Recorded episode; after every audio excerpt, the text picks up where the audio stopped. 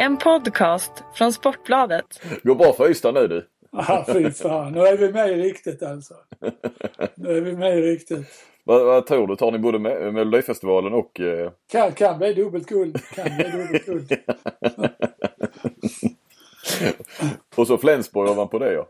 Flensburg kommer att vinna. Det är jag helt övertygad om. Ja, det blir mycket guld och mycket vin, vinflaskor till, till våren. Har du många vad? Ute ja, rätt mycket på gång.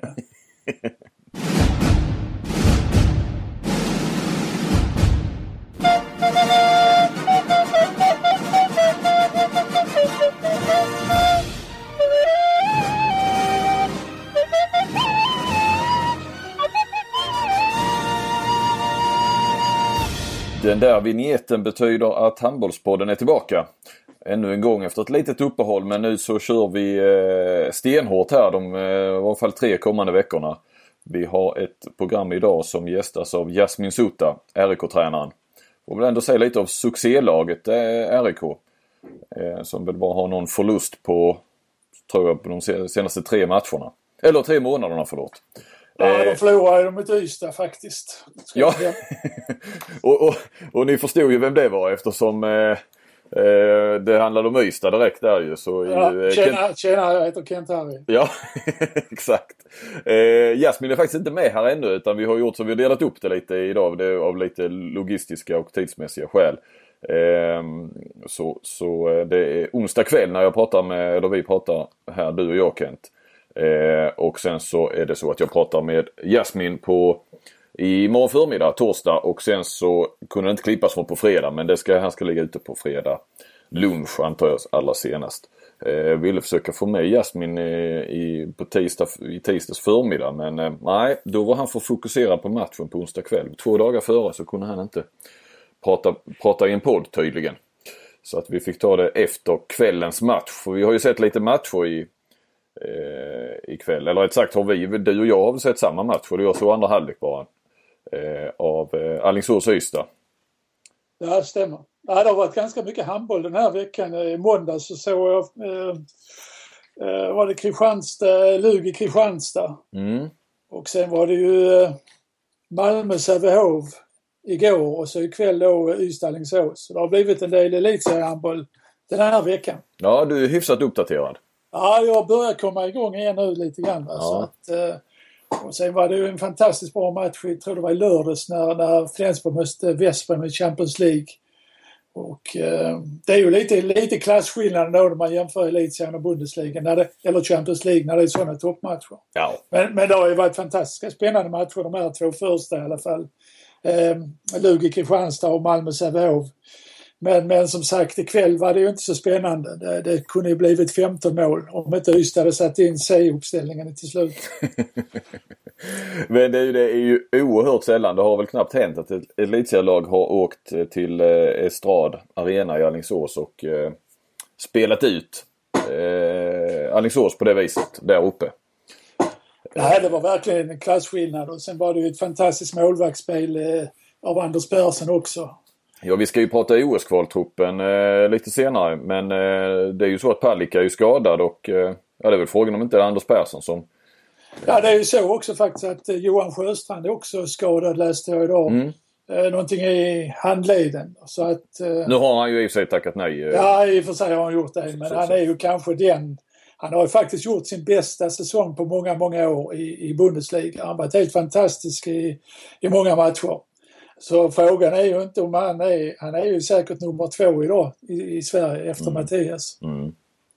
Eh, men tackar nej och, och, men som sagt vi har ju fortfarande, är ju de hela Andersson och Appelgren. De är ju såklart de givna i, i, i ett OS-kval men jag tror att de kommer att ta ut 18 man. Eh, så vet jag att eh, damerna har gjort det till Ryssland. Nu spelar ju sig herrarna hemma i Malmö så det går ju lätt och snabbt att och kalla in eh, någon extra naturligtvis. Men eh, jag hörde någonting om att det förmodligen 18 man och då lär det ju vara en tredje målvakt som är på plats också i truppen. Kan jag tänka mig. Ja, och det, då är det ju definitivt Anders Persson. Mm. Alltså det, det, tycker jag. Han har gjort en bra säsong och eh, eh, han var väl med där ett tag också inför, inför EM också som tredje målvakt.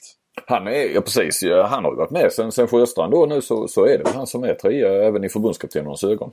Ja, men det är fullt berättigat. Är... Ja, inte minst efter idag. Det var väl... Eh, ja, frågan är om det var den bästa, i varje fall 20 minuterna vi har sett det i början av andra halvlek. Ja, målvaktsspel. Ja, det, det är väl Beutler där va, mot Aranäs för ett tag sedan som också var något i hästväg. Men... Ja, det är sällan man ser målvaktsstänga på det viset som han gjorde där. Det var ju frilägen hela tiden. Det var ju inte bara distansskott utan det var ju kontringslägen. Ja. Tre, fyra som han, som han räddade och det är sällan man ser ett sånt målvaktsspel. Verkligen. Eh, ska vi hålla oss kvar lite där då kring eh, Ystad Ska vi prata lite mer om de andra matcherna du har sett också men eh, eh, Naturligtvis är ju Alingsås, eh, ska vi väl till, tillägga, är ju skadedrabbat framförallt på mittsex med både Max Darj och, och eh, Oskar heter han var Bergendahl. Ja, ja. Eh, jo, det är klart och det märktes ju. Och Darj är ju viktig bakåt inte minst ja. också. Ja. Eh, och lagkapten och allt det. Det, det märktes tydligt att, att de saknar det i sitt försvarsspel. Men, men å andra sidan så jag tycker, jag tycker de är rätt tama i sitt anfallsspel när de inte får sina kontringar. Mm. Alingsås. Jag tror inte att Alingsås kommer att spela finaler. Det har, jag, det har vi väl inte trott på hela säsongen. Utan det här kommer att bli en affär mellan Kristianstad naturligtvis, Ystad och Lugi tror jag. Det är de du... Eh... Ja, jag tror nog att... Eh, jag tycker Lugi blir bättre och bättre Jag har fått ett bra målvaktsspel nu i Torbjörn Bergerud som har blivit väldigt stabil den här säsongen. Ligger ofta på över 40 procent och sen har man ett bra försvarsspel och, och Jepsen har kommit igång lite så Lugi är en jättefarlig outsider. Har du sett den, eh, jag vet inte vad det fladdrar förbi, var det på Twitter? Var det Vaxner som la ut eh, Basti när han, eh, då, när de hade slått Hammarby för ett tag sedan? Uppe, när han står och skriker i omklädningsrummet. Basti. Nej, den har jag missat. Ja, ja den, den får ni, du och eh, lyssnarna gå in och, och lyssna på. Det är en, en Basti i högform, då vet du väl ungefär vad det innebär? Ja, det vet jag definitivt. Ja. Så eh, Ja, då var du inte med ner i omklädningsrummet i, i måndags då när, när de hade nej, alltså jag, slagit jag, Kristianstad? Nej, det var, det var, jag inte. Nej. nej, jag tänkte det kanske hördes ut i arenan. Ah, nej, men jag, jag var inte på plats i nej, du, jag nej, såg, nej, du, såg nej. den på hemmaplan. Ja, ah, okej, okay. Okay. Eh, det stämmer ju. Vad, eh, vad säger du mer om eh, ja, Ystad eh, idag då? Vi hade ju Kim Andersson, 7 av 7. Ja, och jag hörde eh, lite om på en intervju efter matchen där han eh, återigen öppnade dörren för landslaget. Men mm. det är ingen som har ringt, sa han lite småsurt. Ja. uh, och det är klart att uh, en Kim Andersson i den formen, naturligtvis har landslaget nytta av honom. Ja. Tycker du att de ska ringa honom? Alltså det är ju lite tveksamt. Han har ju tackat nej ganska mycket och jag tycker liksom att uh, Johan Jakobsson gjorde jäkligt bra i EM. Och, eh, men det är klart man ska ha ett alternativ till Johan också och nu är ju Cederholm är ju skadad. Mm. Eh, så att eh, i ett sånt här nödläge så borde man kanske slå en signal. Han får komma in som reserv för Cederholm helt enkelt. Ja precis. eh, ja och Lukas Nilsson satte sina straffar. Framförallt i andra. Gjorde väl något från distans av det jag såg. Ja, han hade nog en fem på distans också tror jag. Mm. Han är lite på väg tillbaka nu. Ja, för han... Eh, det var väl eh, mer eller mindre en kollaps han hade där för ett par veckor sedan efter. Ja, det hade nog blivit lite mycket för honom. Ja, det är väl inte så konstigt heller. Jag tror jag gick igenom det där i någon, eh, någon blogg att ja, ja. oerhört mycket från U21 VM var i somras och A-landslag och EUF-cup som det är nu. Och, ja, han, är ju med, han har varit med på allting ju. Och ja. dessutom en, en tung roll i, i mycket. Ja, man har ju mycket matcher nu. Nu spelar man ikväll och nu spelar man på lördag mot eh, Bukarest hemma i, Europa. Sen spelar man måndag direkt eh, mot Hammarby hemma. Sen har man Malmö på onsdag. Så att nu är det, nu är det lite varannan dagsschema för Ystad framöver. Mm. Men hittills har de klarat det bra. Jag tycker till och med att de har haft lite fördel av de här Europacupmatcherna. Eh, man märker det att lagen har en himla nytta av det för tempo och hårdhet och allt det här. Mm. Det pratade de efteråt om idag också ju. Att, ja. att de har med sig tempo. Så att eh, det är kanske bra för alla andra svenska lag som brukar tacka nej till Europacuperna att, att de lyssnar lite här nu på, titta på Kristianstad, de har också haft nytta av mm. um, det. absolut, men de har ju en enorm bredd också i sin trupp. Ja, men eh, det hade Ystad ikväll också när de, de satt, eh, hela första uppställningen satt ju till slut. Ja. Men då var det, det var ju avgjort. Det var ju avgjort med nästan 20 kvar, eller en kvart kvar i varje fall. Ja, ja absolut. Um, vad är Kristianstad-Lugi då? Eller Lugi-Kristianstad ska vi säga. Den spelas vid Lund. Vad, vad, säger du om den matchen då? Vad... Ja, men jag tycker ju liksom att eh, Lugi har ett bra försvarsspel och målvaktsspel och, och Jeppsson börjar komma igång så, mm. så är de, kan de hota vilket lag som helst. Uh, sen gjorde väl inte Kristianstad någon stormatch precis. Uh, det märktes ju lite grann att de var lite slitna här. Va? Och sen saknade de naturligtvis uh, framförallt Salleman för sitt uh, kontringsspel. Ja. Han var inte med i den matchen. Nej. Då får du sluta knäppa med kulspetspennan också, Kent. Oj! Ja, ja lägg, lägg ifrån dig det. Där, där fick jag mig en förmaning alltså. Ja. ja, ibland måste jag hitta till. Jag påminner lite om min fru Mette där. Hon brukar ge mig pekfingret ibland. När jag, när jag inte sköter mig. eh, men det, än så länge faktiskt trots eh, Ystads eh, seger idag över Alingsås så är ju RIK fortfarande trea. Nu har de en match mer då än, än Ystad och, och alla vet ju hur oerhört tätt det är ner till eh, nionde plats. Det är ju faktiskt så att ja, RIK som är trea idag, eller de där uppe så att säga bakom Kristianstad Alingsås. De går ju inte ens säkra på slutspelsplats ännu. Även om vi kan se tendenser och, och, och det finns kvaliteter i laget. Men jag tänkte, vill bara komma in lite kort på RIK med tanke på att och sen förklara då att Jasmin Sota är ju naturligtvis med i det här programmet då. Eh, men att vi, den kommer, intervjun med honom kommer efter vårt snack. Eh, du tror inte att RIK kommer ligga trea eller ens fyra och inte spela semifinal eller? Ja, jag vet inte. Jag är inte riktigt säker på RK. Jag tycker de har gjort en fantastisk säsong och har höjt sig minst, en klass från eh, förra säsongen. Mm. Um, blir ändå lite grann så här de tappar mot Ystad hemma. De, de tappar en poäng mot Skövde eh, på hemmaplan. Det är, ja, jag tycker inte stabiliteten saknas nog lite där. Så är det väl. Även om de som sagt, eh, jag kollade bara lite snabbt här så har de ju faktiskt bara, de har bara en förlust. Det är den mot Ystad hemma sen, eh, som sagt sen 7 eh, december. Sen har det i och för sig varit ett, ett långt uppehåll också på grund av EM men de har ju där har de visat stabilitet i, i, i ett antal matcher. Mm. vad tror du då? Vad, om vi tittar nu lite, då eller vi börjar nerifrån då. Vilka, vilka drar svartepetter eller vad är det man brukar säga? Vilka blir nia? Um, Missar slutspelet då? Jag tror Guif blir nia. Mm. Jag tror Hammarby överraskar ändå lite grann. Och, eh, de brukar ju alltid klara sig. De brukar ju eh, det. Till, till slut Hammarby. Så nej, jag tror nog Guif är nog det lag som ligger sämst mm. till. Ja, Hammarby är ju jättevana vid att, att ligga där och slåss om den där platsen ja, också. De så har... det är klart Sävehof har tre uddamålsförluster nu på raken och man kan inte ha hur många som helst av, av den varan. Nej du. Eh, fyra förluster på de fem senaste. Eh, ja, och, och, tre raka uddamål. Det var ju det de hade jobbat bort sa de i höstas. De hade ju väldigt många sådana väl förra våren eh, vad jag vill jag minnas. Just uddamålsförluster tappade i slutet. Eh, nu, nu tappar de i varje fall två av de här har de väl tappat i, i slutminuten. Två av de här tre senaste. Mm. Eh, och sen har vi Malmö. Ska vi också nämna. Ja, ja Malmö tog en viktig seger här mot Sävehof. Mm. Den tror jag var jätteviktig för dem för att nu tror jag nog de klarar det. Ja. Ja det är väl frågan där. Ja precis. Hammarby blir åtta och RIK kommer att dala lite och sen var Malmö och Sävehof eh, hamnar någonstans. Och så tror du att Lugi klättrar en del. Jag tror Lugi klättrar. Nu har man Karlskrona i nästa match och då tar man ett steg till uppåt mm. i tabellen. På tal om Karlskrona ja, vi, eh, vi kör ju på då eh, redan nästa vecka igen.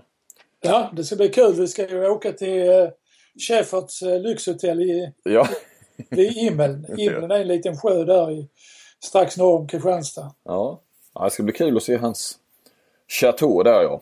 Ja. Eh, spela in en podd på plats också och eh, ja, Schäfert vet vi. Han kan snacka och dra stories. Eh, har ju en fantastiskt lång karriär med, med Ja, det finns mycket där. Han har varit inne, det har varit damlandslag och, och så vidare. Så att, eh, och ja, träna, tränade ju både, hade ju både Mikkel Hansen och Niklas Landin som väldigt unga i, i GOG. Ja.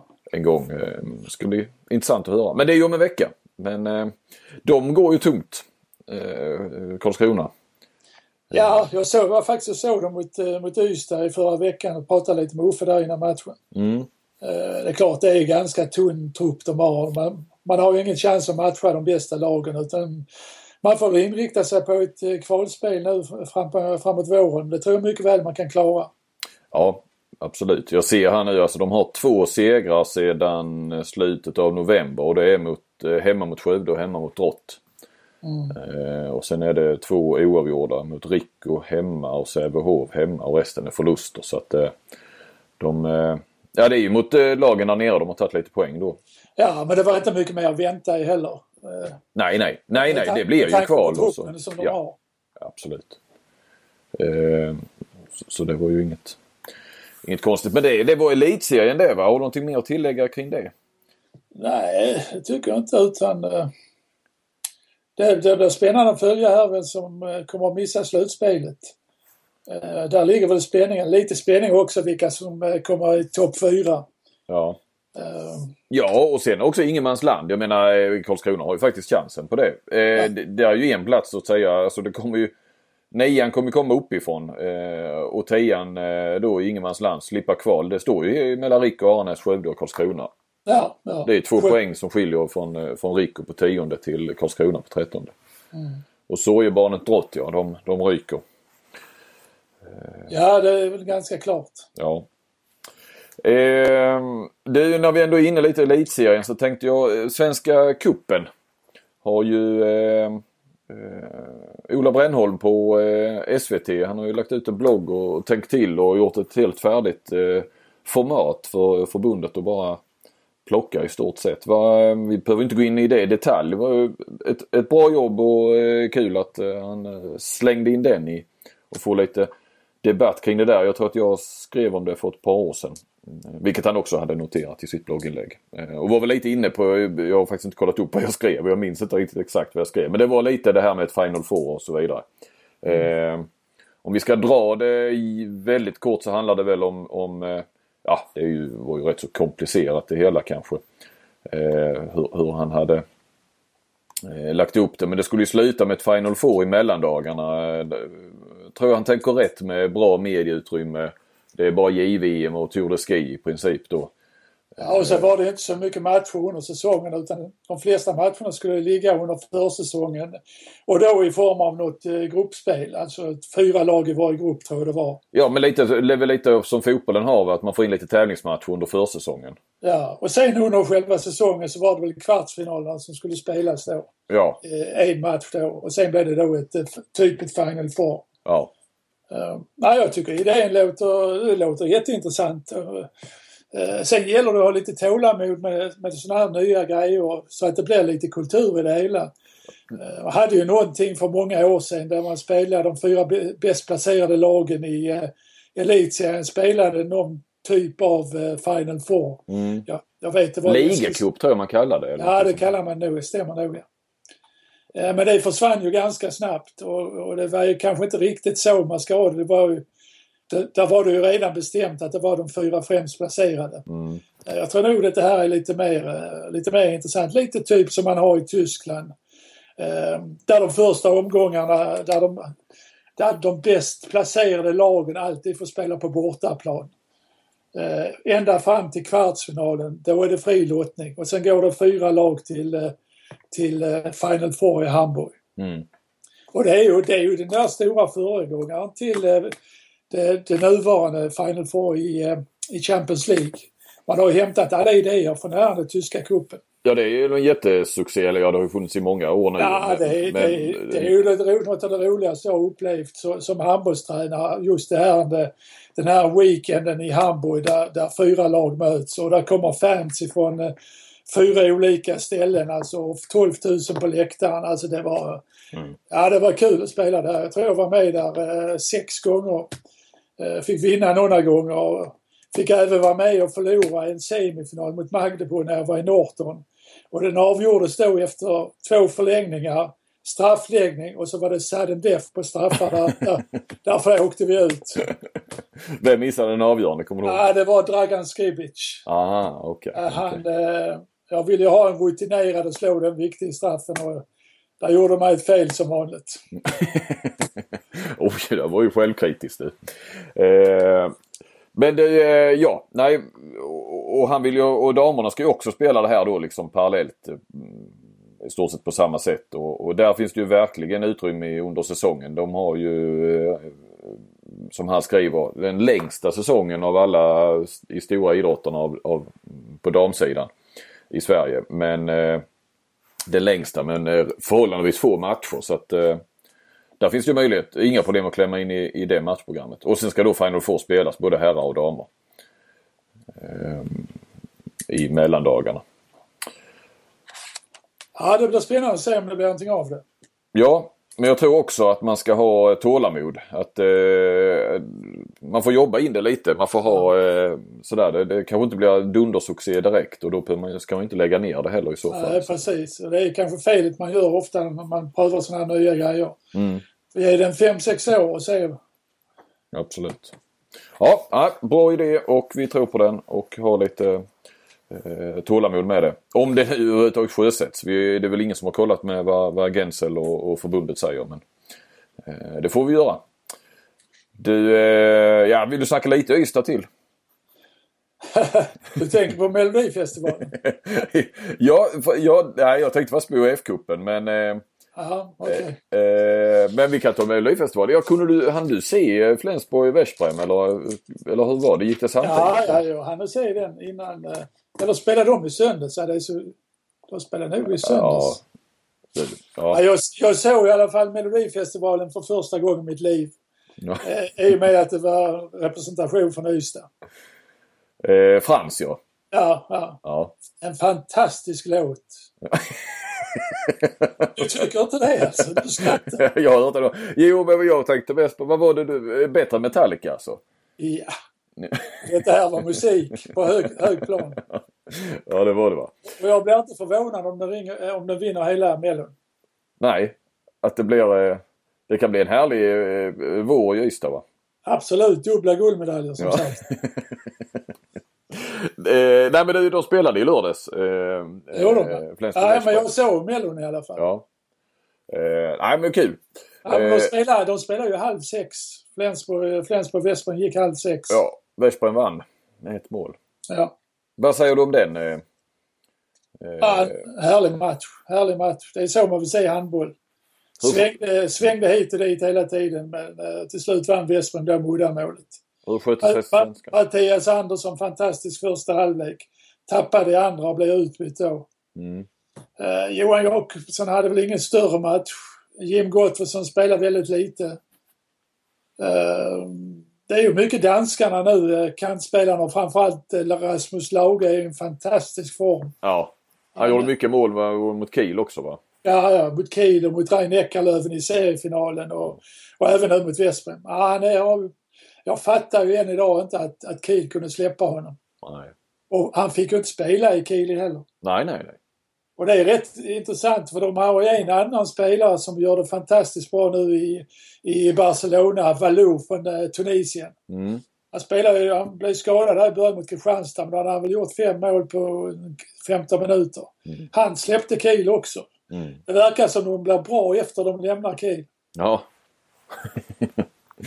ja, du hör att jag är gammal eh, Flensburg. Ja, ja, jag skulle precis säga det. Jag förstår ju, du njuter lite extra då när det, ja. det, det är den tendensen. Du, eh, jo men Ystad är ju cupen då. Ska vi ta? Ja, ja, men det var också bra. Där tog de en poäng eh, borta mot Bukarest och, och som mm. jag säger det så, så, så, kan den poängen vara jätteviktig för att gå vidare till kvartsfinal. Mm. Nu har man ju två hemmamatcher och vinner man dem så är man ju faktiskt i kvartsfinal. Och eh, det är ju överraskande. Ja, absolut. Absolut. Ja, vi får se hur de klarar dubbeljobbet så att säga. Eh, med elitserien och F-cupen. Ja, ja. Eh, du, sen hör jag lite, om vi håller oss kvar eller går tillbaka till elitserien lite, Sävehof. Eh, att Jonas Larholm kanske kommer tillbaka och att Johanna Alm eh, också skulle komma tillbaka till Sävehof till nästa säsong. Och det är väl lite av den där satsningen Stefan Albrektsson satt och utlovade väl i vår podd, han har väl utlovat den på många andra ställen också. Men men då är arenan det här? Ja precis, att det var till den säsongen 2016-17 när arenan stod klar att eh, då, då, då ska de göra en, en sportslig satsning så att säga, eller ja, ekonomisk satsning på det sportsliga. Ännu mm. mer kanske än vad de har gjort. Och de, där finns ju, det finns ju mycket, mycket spelare eh, de har ute i, i Europa, både på dam och här sidan gamla Sävehof-spelare. Så att, mm. Ja, nu är Laron tyvärr axelskadad så han spelar inte mer den här säsongen.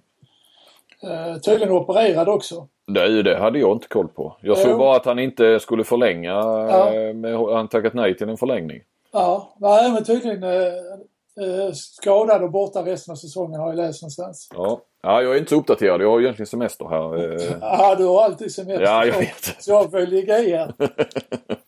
Nej men Laholm, det är ju naturligtvis en fantastiskt duktig handbollsspelare. Mm. Faktum var, försökte jag värva honom till Flensburg, jag tror det var 2005. Jaså? Ja, vi var uppe, vi, vi träffades i Halmstad tror jag det var, alla ställen. Jag och Torsten Storm då från eh, Flensburg eh, träffade Laholm där och eh, hade ett långt prat med honom och trodde i stort sett att han skulle komma till Flensburg. Men så blev det Barcelona istället. Det var då han gick till Barcelona? Ja, han gick till Barcelona och satt på bänken där istället för att spela 60 minuter Flensburg. Ja. Nej, det ja. vet jag inte va, men, eh, men, äh, ja, men han är lite så här äventyrare. Det är klart Barcelona drar ju, drog ju lite mer än vad Flensburg gjorde på den tiden. Jo, det, och det är ju en, en eh, livs, livsnjutare och han har väl aldrig varit i Bundesliga. Nu blir jag nästan lite så här för han har ju varit runt i en del klubbar. Nej, det, var det, har ju... han inte. det har han inte. Och det, ro, det roliga var att han hade ju ingen handbollsagent utan han hade en fotbollsagent. Yes. Det, det tror jag fan att han tar Barcelona på. Vem var agenten? Kommer du ihåg det? Nej, jag kommer inte ihåg vad han, vad han heter. Hur går det till då när man ska träffa, när ni ska träffa Larholm? Alltså försöker man göra det lite smygande? Ni var ändå i Halmstad, en handbollsstad. Ja, jag tror det var lite smyg över det. För han spelar ju i Sävehof då. Ja. Uh, så vi, vi, hade ett avtal att vi skulle träffas i Halmstad. Var träffades på något hotell då eller? Ja, vi träffades på något hotell i Halmstad. På ett rum då? Ni kunde inte sitta i lobbyn och snacka väl? Eller, eller det kunde man? Ja, vi hade lite, jag kommer inte riktigt ihåg var vi satt. Jag tror vi satt, eh, vi satt nog på någon restaurang eller något sånt där. Ja, ja. Ja. Jaha du. Vem tog ni istället då? Kommer du ihåg det? Nej, jag undrar, ska vi se om det var... Det var nog, nej jag kommer inte ihåg vem vi tog. Kommer jag faktiskt inte ihåg. Men är Larholm en spelare som lyfter ett, ett lag eh, om han skulle komma hem i, ja, i den här åldern och sådär? Är han den typen av eh, spelare, tror du? Alltså lag, man ska ju komma ihåg också att han kommer från Sävehof och Göteborg och allt det här. Mm. Eh, alltså det enda jag är lite tveksam det är ju eh, det är ju hans motivation. Man har gjort det bra i Danmark i år, har gjort en fantastiskt mm. bra säsong där. Eh, men det är ju det här med axelskador. Det är ju mm. det är lite sådär så att man får nog ha koll på den skadan först innan man, innan man skriver på med honom. Mm. Nej, det var just motivationen jag tänkte lite grann. Och även också om han är den här eh, den stora alltså ledartypen och sådär. Det, det, det väl lite så jag bara satt ett, ett litet frågetecken kring. Eh. Ja. ja, det vet jag inte. Så pass bra känner Då när jag ville ha honom till Flensburg så var det ju framförallt för att han var en fantastiskt duktig handbollsspelare. Mm. Ska vi glida in på OS-kvaltruppen då. Mm. Eh, var vi ju då lite grann inne på. Eh, förmodligen handlar det om 18. Ja, ja. ja och, och 18 eh, namn ska det vara. Mm. Eh, ja, Jim Gottfridsson ska väl in där. Om vi nu ut, vi kan väl utgå från EM-truppen. Det är väl enklast. Den har ju folk koll på vilka som var med där. Ja, det tycker jag. Det tycker jag. De ska väl vara kvar samtliga egentligen. Va? Ja, och så är det frågetecken för Cederholm väl? Ja, så Cederholm och eh, ja, e- ska, eventuellt, eventuellt Kim in där då. Ja, och sen är väl frågan Marcus Olsson. Det... Ja, det, sen beror det lite på hur Gottfridsson kommer igång nu under, under den här månaden. Det tror jag han gör. Han har inte spelat så mycket hittills och varit skadad länge men eh, kom, får han bara tillbaka 70-80 av sin kapacitet så så är det ju en förstärkning för svenska landslaget. Mm. Och om vi då tittar, nu snackar jag om att de ska ha 18 man med, det kan ju egentligen kvitta för de två blir ju rena reserver.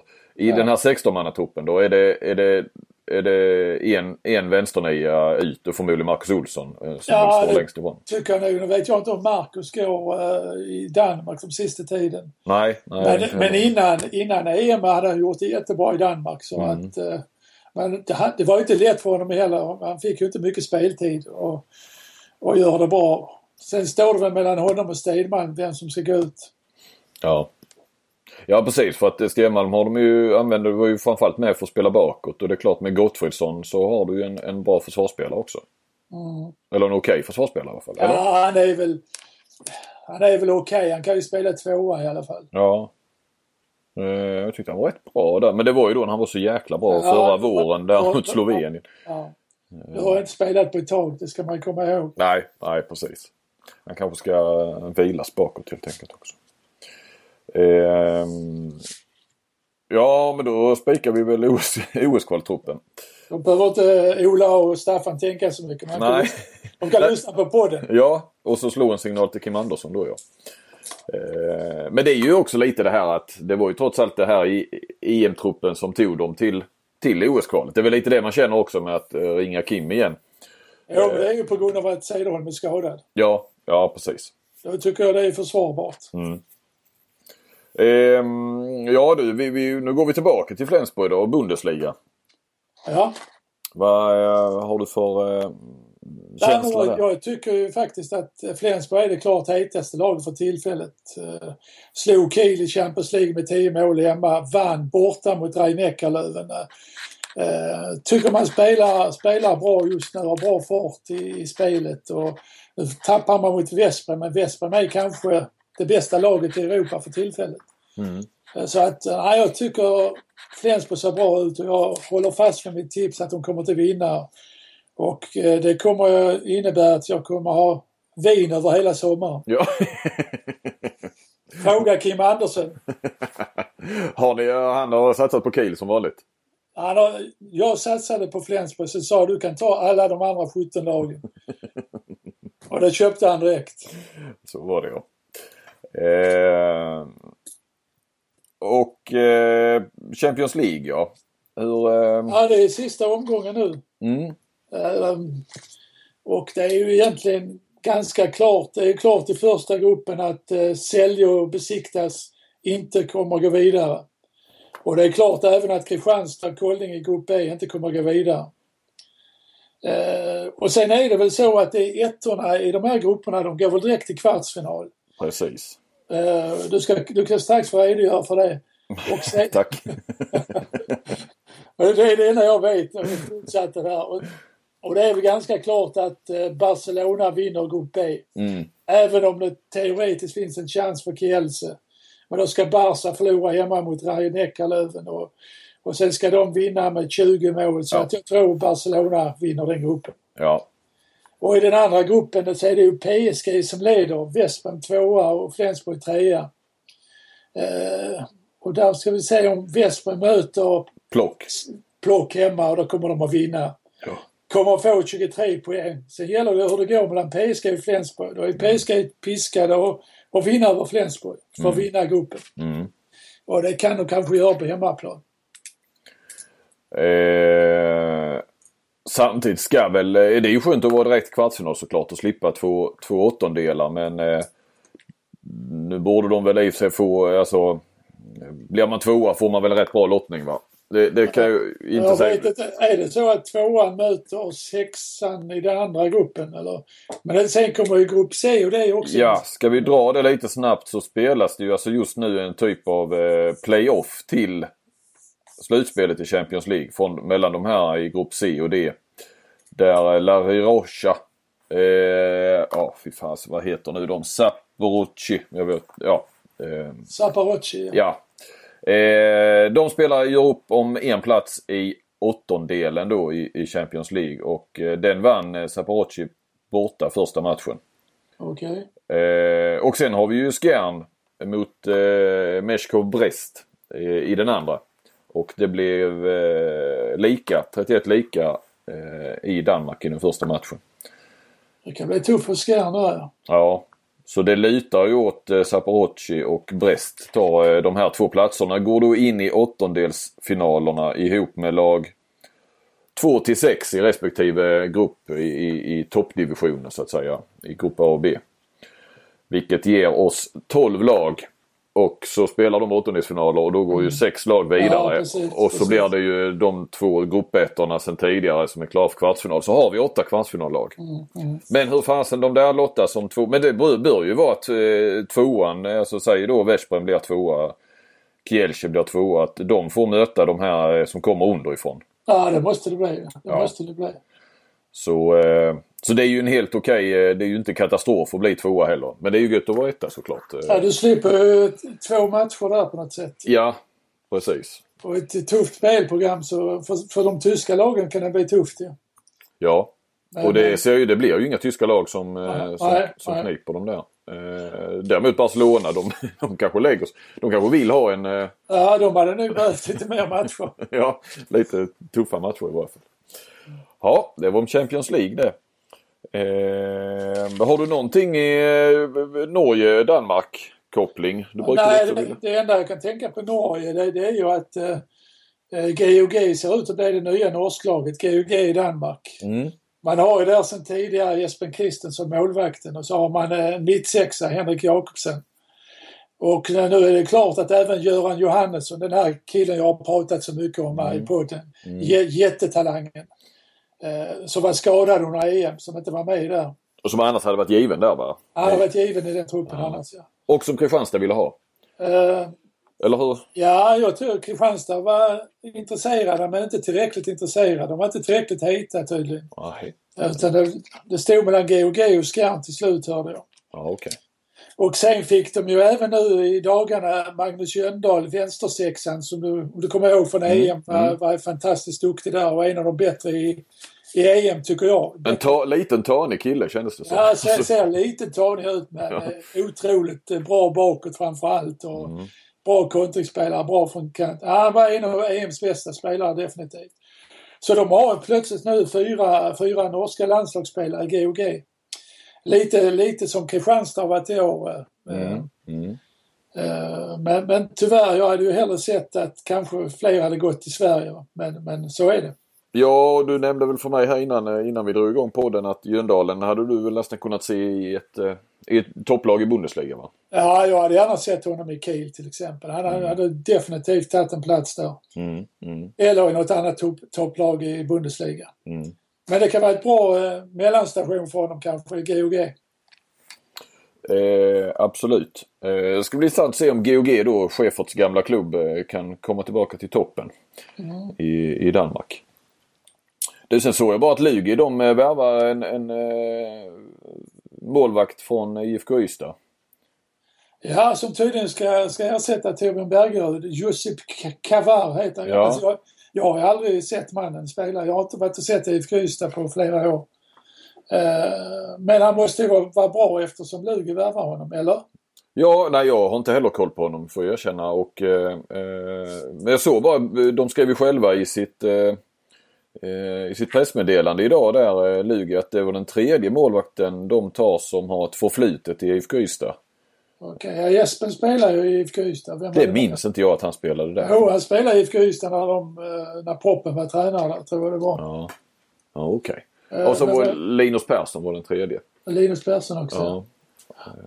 Men, men jag bara undrar, kan det här vara alltså som andra målvakt eller som första målvakt den här värvningen? Nej, det är väl frågan för hur är det? De har väl kvar Jensen va? Jag vet inte om hans kontrakt går ut. Nej, uh, inte heller. Men jag trodde nog att man skulle värva en mer namnkunnig som ersättare till Bergerud. Frågan är om man behöver väl det egentligen. För Bergerud, det är som du säger, det är ju en, det är en riktigt bra målvakt. Ja, han har ju växt fram till en bra målvakt den här säsongen tycker jag. Ja. Stabil framförallt. Och det är ju inte så lätt att ersätta. Nej, verkligen inte. Men det är ju... Ja. Senast mot Kristianstad tror jag han hade 50% i första halvlek. Ja. Han var riktigt bra där och sen gick han ner lite i andra men gör ändå viktiga räddningar på slutet. Precis som en bra målvakt ska göra. Mm. Eh, jag tänkte på eh, IFK Ystad också. På väg upp i elitserien. Där har du ytterligare en. Nu vet jag att du är ÖJ-fan naturligtvis men eh, det är väl inte fel som Ystad handbollare som du är Nej, alltså jag, jag har absolut inte emot IFK Ystad. Jag tycker det är kul att, att, att de kan komma upp men jag, samtidigt är jag lite tveksam om det är plats för två lag i elitserien från Ystad. Och tänker jag på spons, sponsorer och den biten, ja. publik. Alltså det kostar lite pengar att gå på handboll också. Ska man då gå, gå två, två gånger i veckan under hela säsongen, det kan, det kan bli jobbigt för plånboken. Absolut. Och, eh, ja, och som vanligt så är det väl så att handbollssverige inte heller jublar kanske. Och ytterligare då ett skånskt lag och ja vi kan ju få upp eh, OV Helsingborg också. Mm. Eh, ja, det kan bli två skånska lag upp och Och Drott då, ja det är ju nästan halvskadad. Det, det, är ju här nere i detta häradet också i och för sig va? men det är ändå från Halland.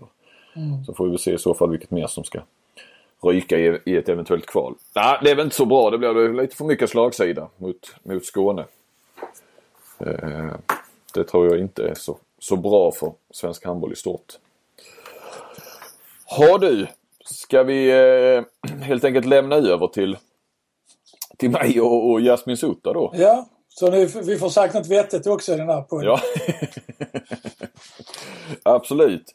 Eh, så ses väl vi då eh, om en vecka i, ja. i e-mail. Jag är inte i sju naturligtvis. Men... Du, eh, du måste lämna mig adressen också för så att jag ställer in navigationen. Ja, ja för det är ute i...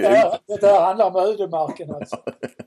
du, jag har inte den ännu men eh, chefen får väl meddela den. Ah, han, hör, han sitter säkert och lyssnar på podden så att eh, han, vi har väl den på ett sms. Eh, en halvtimme efter att podden är släppt så har han, eh, har han lyssnat. Ja. Tror du inte det? Jo, det gör, det gör han säkert. Ja. Eh, gött att vara igång igen, eller hur Kent? Ja, det kändes bra. Det kändes ja. bra.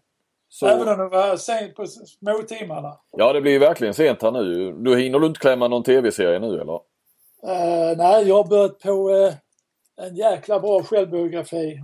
Ja. Uh, nej, självbiografi är det inte för det är en annan som har skrivit om Winston Churchill. Jaha, han Liljegren va? Liljegren, jag köpte dem på rea. Det bokade jag nu, jag såg det. Ja, det var faktiskt riktigt bra böcker de här.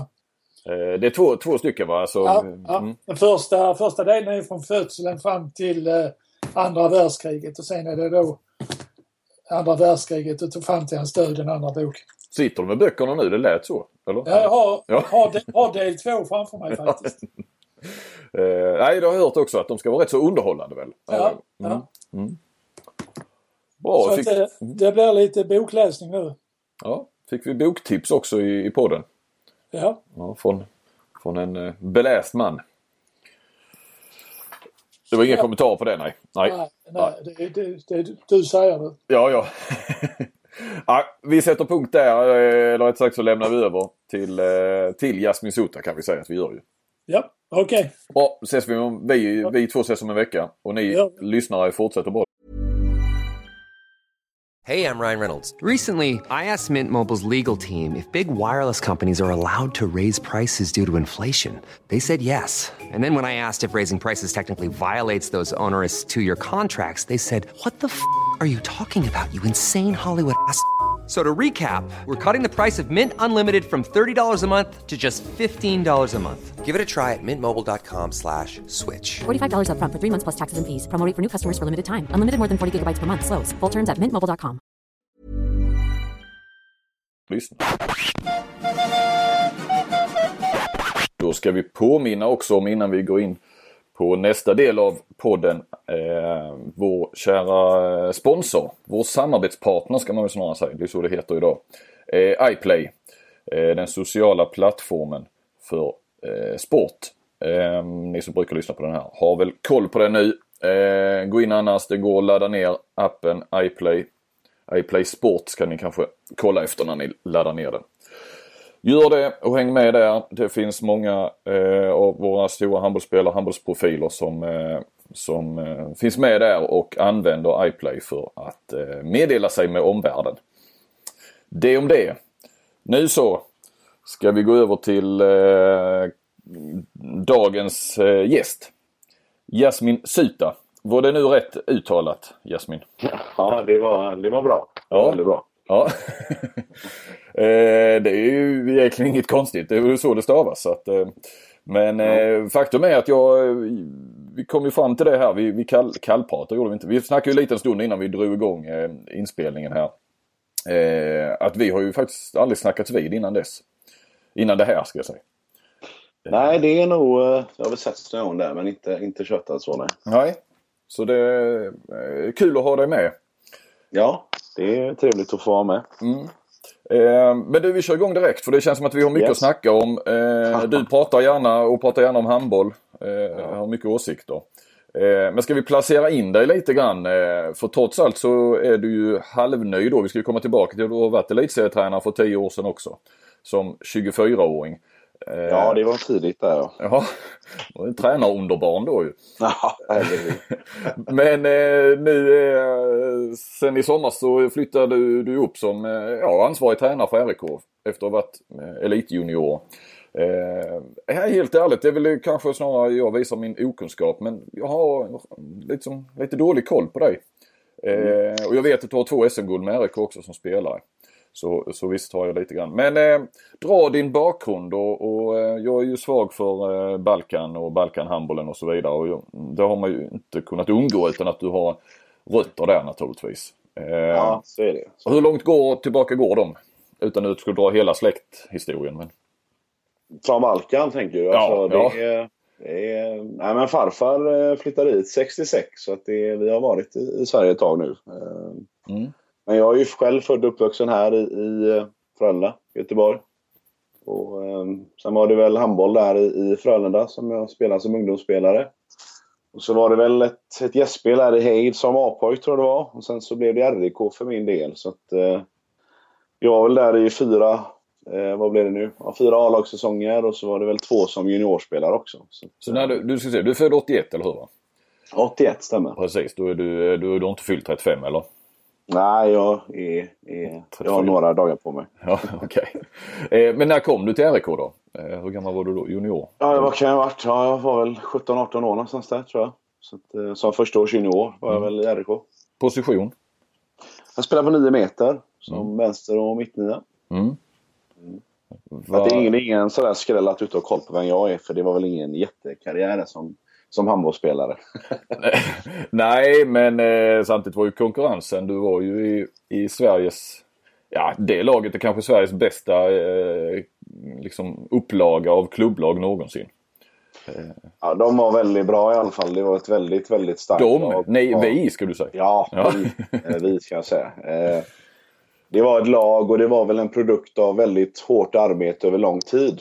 Så eh, det, var, det var inte så konstigt att det var den konkurrensen. Och det är klart att eh, vi skulle konkurrera ut eh, de som var framför och då hette de Anders Fransén och Martin Bokvist och Magnus Lindén. Så att det, eh, ja, det var Mm. rätt hyggliga spelare. De var väl landslagsmän allihopa tror jag. Så att, eh, Och det du var tuff ju, konkurrens. du kom ju dit, då måste du kommit dit 98 någonting då. Eh, 97-98 någonstans. Ja, och det var, väl, det var ju då den sista säsongen. Där var de kanske som allra bäst. Eh, så finns det en upplaga också 2002-2003 då när Wislander kom Ja, hem. den var väldigt bra. Den Men- väldigt bra. Men 97-98 då var ju fortfarande Vranjes och Lövgren kvar va? och Gensel. Ja precis, ja, vi kom ju upp det året när de flyttade då. Så att, eh, det var väl i den vevan som Mm. de blev proffs. Där. Det var väl först eh, Lövet tror jag och sen Jobbo efter det. Så att, eh, Mm. Det var väl de som, som kom in och det var väl en lite ny generation där med Martin Bokvist och, och några fler som tog över där. Lindén var ju också med bland de lite yngre. Så att, eh, ja, det var en liten en generationsväxling där. Men, Den funkade rätt bra. väldigt Det, det fortsatte att bli guld. ja, det, det satt i de väggarna där eh, på ett eh, otroligt sätt kan man säga. Men det, det var liksom inget... Alltså, även om de försvann, de spelarna, så fanns det en långsiktig idé och en långsiktig plan över vad man ville göra. Och, eh, Det är klart att Ola och Reine låg, låg bakom väldigt mycket av det och det var tydliga ramar. Och, eh, ja, men, men en, en otrolig grej för att vara med och man lärde sig otroligt mycket. Och framförallt så i efterhand så, så har man uppfattat hur jäkla bra det var. Mm. Mm. Vad är- hur mycket spelade du då och vilka år var du med och vann SM-guld? Mm, 2000 Eh, vann du va? Ja, jag var väl med första året vi kom upp där. Vi kom upp som juniorer. Vi blev upplockade där i eh, mitten av säsongen. Så det var väl 99-01 tror jag det var. Så att, eh, Mm. det var de två säsongerna. Ja, alltså du har ett SM-guld 00 och ett SM-guld 01 då om vi... Ja, så kan det Ja. vara. ja. Eh. Och, och hur mycket spelar du då?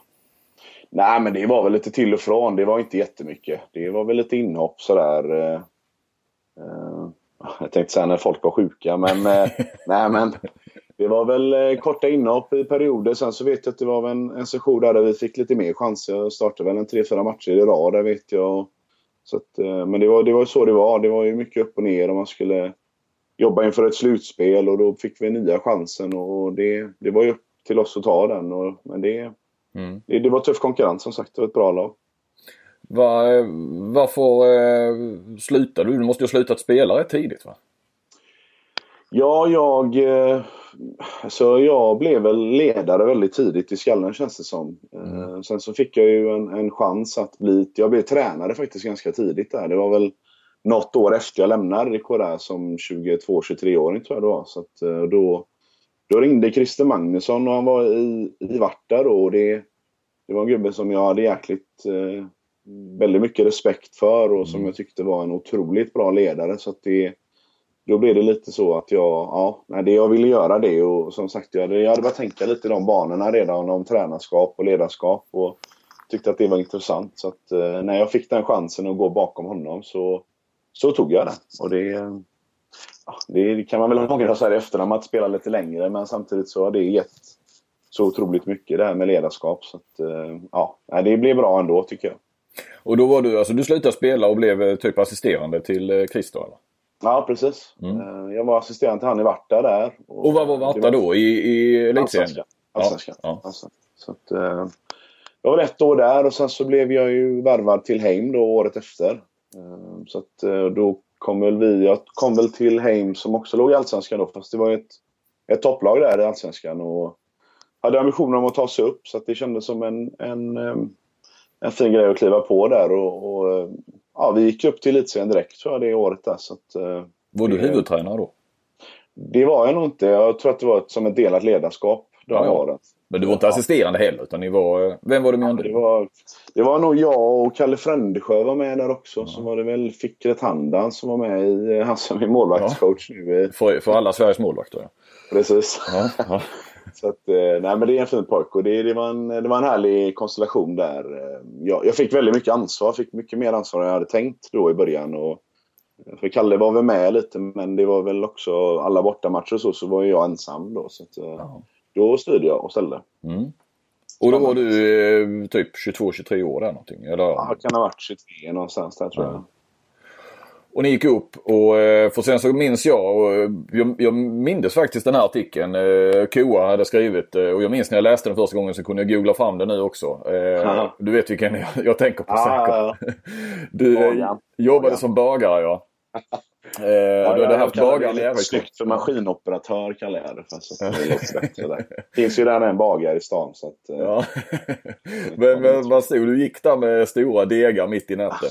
eh, jobbade som bagare på nätterna i princip och, och tränade hem på, eh, på kvällarna eller, ja, eller dagarna eller man ska säga. Mm. Ja, det, var, det var en fantastisk tid. Det var väldigt mycket eh, var många timmar som var upptagna på dygnet. Men, det var, ja, det, det, var väl bra att kunna gå där på nätterna och filosofera bland alla degar om, om hur spelet ja. skulle se ut och sådär. Så att, det var inte så du flyttade degar och att de var olika spelare? Liksom.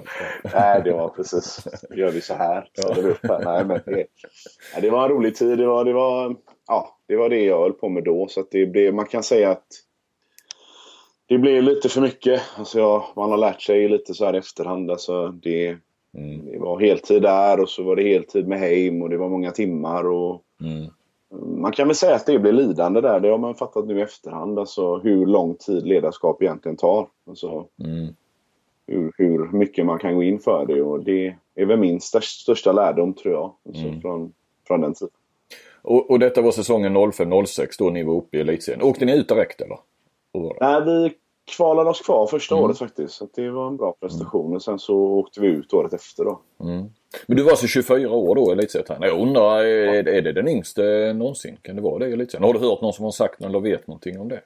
kan nog vara jag och Christian där kanske som, som har varit i dem. Han var väl tidigare, alltså tränare mm. ganska tidigt också. Men jag tror att det är bland de yngsta. Ja. Så ja, att, eh, ja. Det måste det ju vara. Så är det.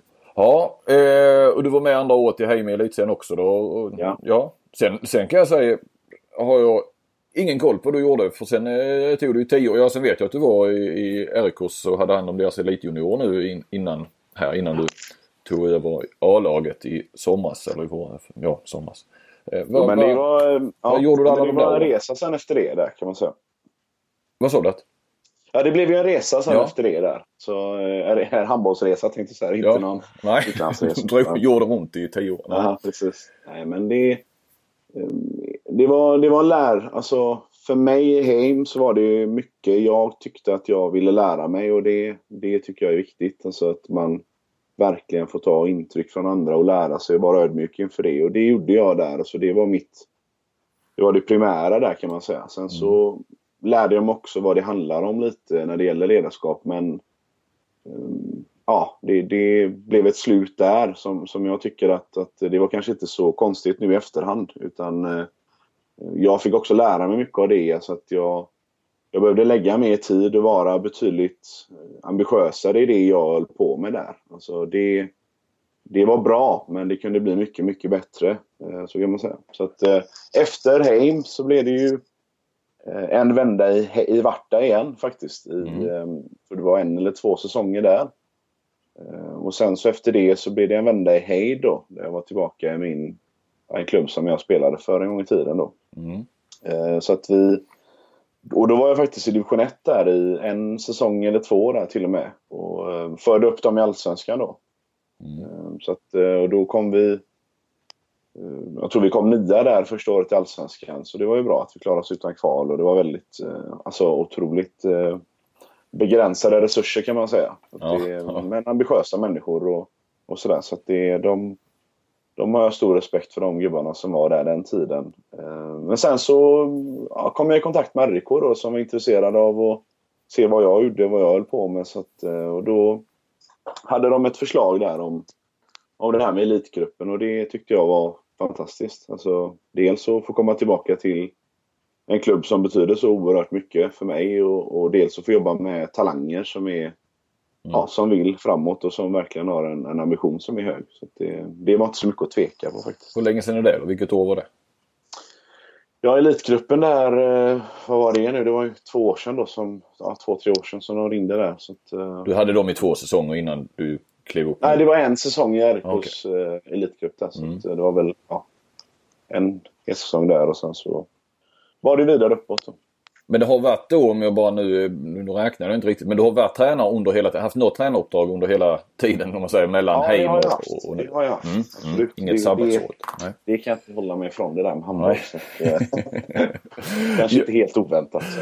Nej men du, du känns ju som, eh, att ta det som en komplimang, en riktig handbollsnörd. Eh, när man har följt dig på Twitter och, och, och rätt mycket nostalgi och verkar ha en oerhörd kunskap när det gäller eh, gamla spelare. Säkert nya spelare också. Och, och, och, din kunskap i själva spelet handboll. Men det man bara ser på Twitter där och du, du kör dina frågor till uh, Uffe Larsson.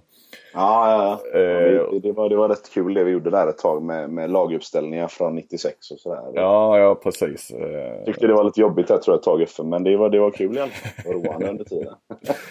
men det, hur mycket handboll ser du i veckan? Hur mycket följer du med och sådär? Det är klart nu blir det ett oerhört fokus på, på det jobbmässiga såklart. Att mm. förbereda inför det och så. Men... Ja, alltså. Det blir mycket blir det faktiskt. Det blir... Eh, eh, jag kan inte sätta timmar på det om jag ska vara helt ärlig. Alltså, men men det, blir, det blir väldigt mycket. Det blir lite för mycket ibland. Men det har väl också kommit med det här som, som jag känner att jag behöver göra som tränare. Så jag trodde någonstans som, som tränare i början att eh, nah, men det, det, jag kan handboll, det, det funkar det här. Och mm. Det kan inte vara så svårt. Eh, det var det som jag tänkte och trodde då. Men så var det en annan verklighet sen. Alltså, mm.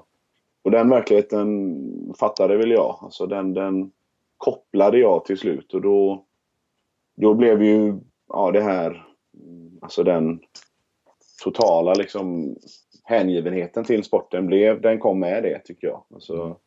och då, då är det ja, nyfikenheten och den här hela tiden söka efter det perfekta. Det är väl det som, som driver en och då då kan man inte prata timmar på något sätt utan då, då är det det. Det blir liksom det det blir. Känns det som ibland. Men hur mycket, eh, alltså tittar du mycket Champions League, eh, Bundesliga och, och, och sådär också eller?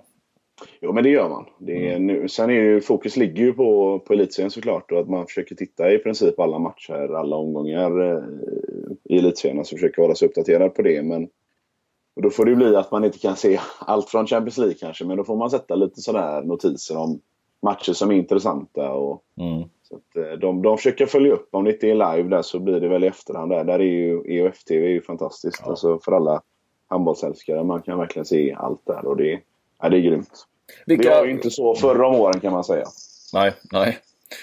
Vilka, vilka spelar... Eh den bästa handbollen nu? Eh, och nu snackar vi alltså Champions League-nivå. Eh, mm. Alltså, eller vilka, vilka, vilka blir du inspirerad av eller vilka, ja, vilka spelar liksom den modernaste eller framtidens handboll eh, på något vis redan nu? Ja. Det, är, det är ju lite olika sätt att spela handboll tycker jag. Alltså, mm. Noka har ju sin, sin filosofi där i PSG. Jag tycker att det är jäkligt häftigt. Det är ju som ett schackspel då när han spelar handboll. Alltså leta små ytor, inte lika mycket distans på spelarna. Så jag tänker djupet för 9-meterspelarna är ju mycket mindre än det kanske i andra lag om man jämför med Flensburg eller Reinecka Löven som har mycket större vågar och mycket mera fart in i, i de duellerna. Så, mm. så att, eh, det, det, är ju intressant för det, var är handbollen på väg någonstans på något sätt? Det jag tycker försvarsspelet har utvecklats oerhört. Alltså, försvarsspelarna är mycket, mycket bättre idag än de har varit för de åren och nu är det väl nästan så att, eh, ja, det, det blir mycket man-man-spel och man klarar varandra mycket mer man-man och man söker de duellerna också i försvarsspelet. Och man blir skickligare på att ställa sig på plats. Och, så det, det är intressant. Men jag skulle säga PSG, alltså Reinecka Löven är ju, är ju, spelar ju på ett sätt. Eh, Kiel är väl en liten kombination sådär men, men de är också intressanta. Flensburg gillar jag. Alltså det är jäkla tåga och långa bågar och stort hjärta när de spelar. Så mm. det, intressanta. Veszprem är ju lite mer vad ska man säga, lite mer kött känns det. Jag brukar säga det. De blir så jäkla tunga. Stora spelare, alltså kolosser. Och det är imponerande att de, de klarar av det alltså med den storleken. Så det är, mm. ja, intressant faktiskt. Zagreb, om man, man kan prata lite Balkan där. Och så är det ju mer tekniken och mer mm. alltså skyttet. Lite längre spelare, lite mer tekniska och leta på, på de grejerna. Så att, eh, mm. Det är intressant där. Alltså, om Kroatien lite. Vad, de, vad ska de göra för att komma tillbaka igen? Men de, ja, de ser intressanta ut nu igen. Så det, ja, vi får se. Ja, ska vi glida in lite på, på, på Balkan trots allt? Jag menar, både du och jag är ju svaga för det och du har ju eh, också en helt annan kunskap än vad jag har. Det ska vi, ska vi tillägga. Eh, till exempel så eh, är ju din mailadress har jag ju noterat nu. För vi har mailat lite fram och tillbaka här. Du har ja. Veselin Vujovic snabel ja. Sen behöver jag ju inte dra i offentligheten vad du har för mailadress. Men, men så följer det en klassisk eh, ja. domän. Det var, det var ett bibliotek där under gymnasietiden som den föddes. Det, det, Ja, men det är en, en stor hjälte för mig. Så det, men du är egentligen för ung för honom? den ofta, men jag vet inte. Det känns som att varför skulle han få ha den tänkte jag säga. Men det är bättre att jag har den. Det, det är väl Men är du inte du är för ung för honom egentligen ju? Född ja, men det, så är det ju. Så är det. Om man pratar lite historia så började det väl med de här VHS-banden. Mm. Det blir lite svensk historia också där men vi började väl med SM-finalerna mellan Drott och RIK. Det var väl så det började. Och, ehm, och då tittade man på det och så fick man sina idoler där i Böna, i Drott och Wislander och de här unga pojkarna i RIK. Johan Eklund som var med på den tiden. Och sen så... Det var intressant och man tyckte att det var helt fascinerande och de var så jäkla bra. Men mm. sen så var det ett annat VHS-band som hette VM 86 där. Och då var det som farsan hade då eller? Var... Ja, ja, ja, farsan mm. var ju bra på sånt. Spela in matcher mm. och sådär. Så de här såg du sen kanske någon gång när du började bli 10, 12, 13, 14 då? Eller ja, ungefär. Början 90-talet. Mm. Eh, och då, då var det liksom, aha, där var alla Sveriges gruppspelsmatcher inspelade. Så då tittade man på det och sen så helt plötsligt så kom det en VM-final i slutet. Och, mm. och där var det Ungern mot Juggarna där och sen så Ja, då fattar man nivåskillnaden på något sätt. Det var ju, alltså, Sverige var ju jäkligt bra då också. Men så, så fanns det de som var eh, bäst. Helt mm. Så, mm. Ja. Hur mycket, hur mycket ja. längtar du efter dokumentären om Metall och Plastica nu som är på gång då? Ja, den har ju faktiskt kommit nu. Jag den har... de har släppt Jag vet inte om det var fullversion där men det var fantastiskt att de... Då, har det, du sett den? Ja, jag har sett igenom det där och sen så, men det är ju lite alltså, översättning och allting sånt. Man ska ju fatta alltihop också. Men du fattar, eller kan du? Ja, lite. Men, men jag får ta hjälp av andra där, föräldrarna mm. och sådär. Så att, eh, mm. Mm. Hjälp, så att jag fattar alltihopa. Eh, är, är Vujovic, är det världens bästa spelare genom tiderna?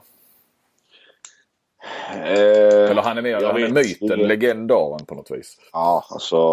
Ja, det finns två för mig. Det, den ena är Magnus Islander. Alltså det, Mm. Det är en komplett handbollsspelare och kunde göra allt. Var bra i anfall och försvar och sen så skolade han om sig till mittsexa och det visar ju bara den speluppfattningen som han hade och vad han kunde göra. Så att, eh, bäst på mittnia en gång i tiden och sen bäst på mittsex också en gång i tiden. Så att, eh, det, Mm. Det är ju rätt häftigt. Men sen och det är klart att man är svag för Vujovic och, och Metall och Plastic under den tiden. Det var ju ett unikt lag. och, och den här totala alltså, dominansen som Vujovic stod för. Det, det, mm. ja, det är de två. De, mm. de två.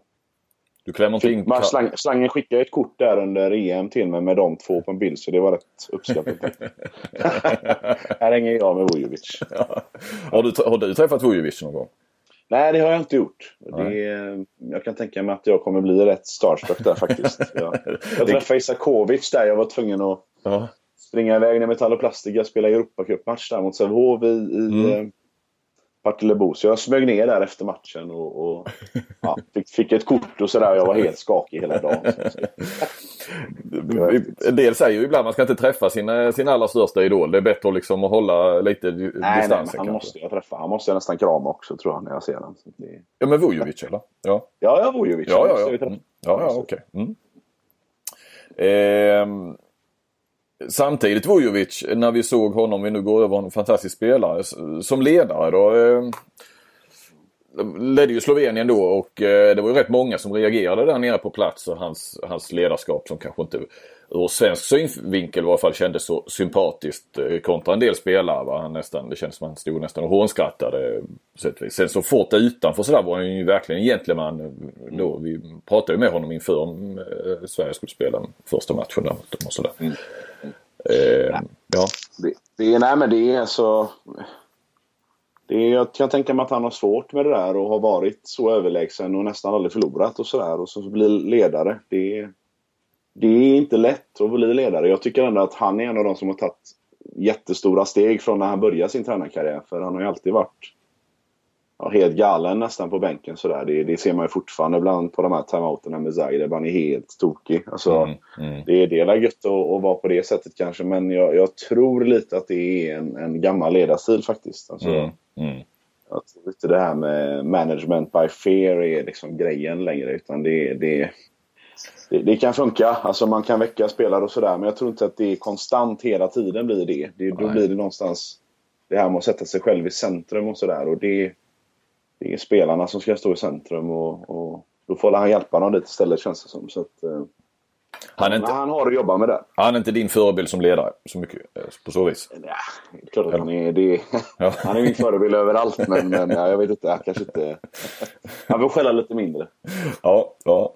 Du, hur mycket kontakt har du med Balkanhandbollen? Nu ska vi se. Makedonien är liksom ja. ditt land? Det är där jag håller till. Så att, eh, nej, men jag... Är det där farfar är ifrån också? Eller? Ja, precis. De är mm. från, från Makedonien där i Ohrid, Struga där inne i området som är i eh, södra delarna eh, mm. av Makedonien. Så att, nej, men jag har inte jättemycket kontakt med de som är alltså, nere på Balkan och sådär. Mer än ja, de man har sprungit på och lite kontakter som man har och sådär. Så att, har väl lite planer på lite resor dit ner nu framöver. Det är väl, har jag tänkt. Alltså, Dels är det väl för att titta på Först och främst kan jag tycka att det är intressant att, att veta vad de gör i de lite yngre åldrarna. Alltså, vad gör mm. man mellan 12 och 18 år där nere kontra vad vi gör här i Sverige? Mm. Ehm, de är ju bra på att få fram unga spelare. Så det kan man ju inte sticka under stol med. Det känns alltid som att det, det dyker upp mycket folk som man inte har någon koll på alls. Som, som är väldigt bra helt plötsligt bara. Mm.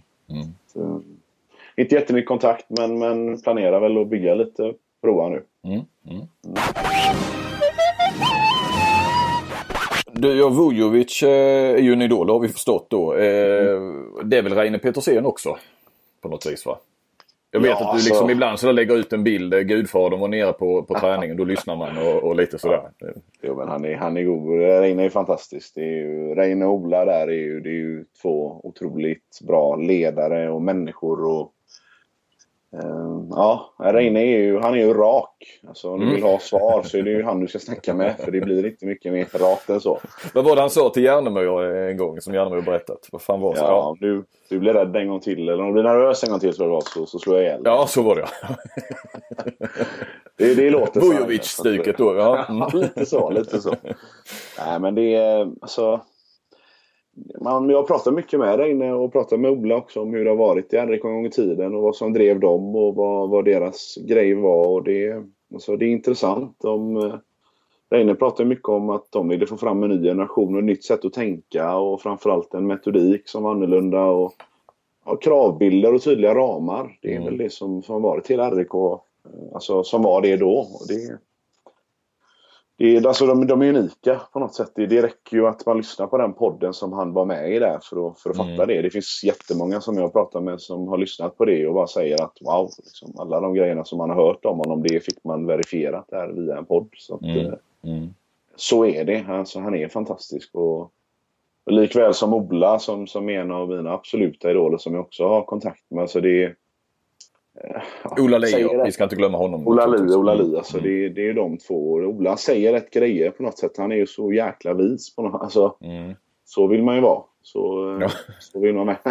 Sån vill man bli. Så att, eh, men om några år kanske inte är nu då. Så att, eh, men, eh, men man ser ju också hur de har influerat många människor. Alltså, Mm som de som man jobbar med nu, alltså Johan som, som nu har hand om Elitcupen men som var för detta då eh, huvudansvarig för herrarna. Så man ser ju det, går ju där i arv och Johan är ju precis likadan och fantastisk alltså med, med de grejerna och ett jäkla bra bollplank för mig. Alltså, eh, otroligt bra ledare också. Alltså, det bästa RIK har, tror jag. Ja. Ja, eh, alltså jag menar halva elitserien är ju fylld med, med gamla RIK som egentligen är fostrade i, nästan av Reine och Ola en gång.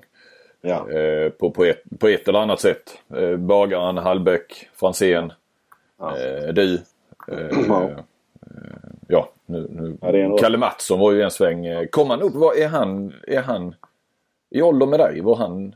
Han var lite, han är ju 79 är han. Ja, Alltså, okej. Så att, eh, Mm. var uppe då i A-truppen när vi kom upp så det var väl vi som bytte av varandra ungefär där i, Ja. i tids, Ja, precis. tidsperspektiv. Bara tillbaka till det. Vilka var det som, var det någon som blev kvar i RIK längre än vad du, alltså i din generation så att säga, som flyttades upp samtidigt så vi kan... Ja, det var väl Fredrik Pettersson spelade ju med mig Mm. 81 då. Var ju, var ju med i många år. Sen var det väl Lindahl som kom upp i samma veva också. Han är ju några år yngre än vi är men, men Mm. var ju med i RIK också. Där många år och var väldigt bra. Och sen Mm. så var det Linus Bolin var ju med också i Ja. eh, målvakten som Ja. sen var i Ystad ett tag. Åke Mobanga var ju med i min generation också. Ja, Så precis. det var några som, eh, ja vi fick ju kliva upp där och ja, nej, men det Mm. var ju Ja, men det var var, det var den generationen, de, de Ja. grabbarna där ja. Ja. Ehm, du, vad har du som målsättning som tränare då, Jasmin? Oj. Eh, jag vet inte. Jag, just nu känner jag bara att jag, jag vill... Eh, just nu är det RIK det handlar om. Och det Mm. kommer vara det ett tag framöver. Och innan vi har tagit tillbaka liksom, den positionen som är högst upp så, så tror jag inte att jag ska annanstans. Det, jag har inga planer på det i alla fall. Och, eh, klubben har en jättetydlig vision nu om vad den vill och det, det är väldigt bra. Och det, den har gjort ett jättestort jobb också ska man säga. Alltså, Ja, berä, berätta lite om den då och, och vad som händer i RIK som du sa att du skulle inte, eller hur uttryckte du, du skulle inte lämna förrän ni är högst upp. Nej, Eh, alltså, Är det möjligt? Har inte Kristianstad och Alingsås framförallt då, eller Kristianstad i första hand och sen Alingsås och sen har vi väl även Ystad och Sävehof gör någon form av satsning igen på något vis. Har de, de har inte sprungit ifrån er då?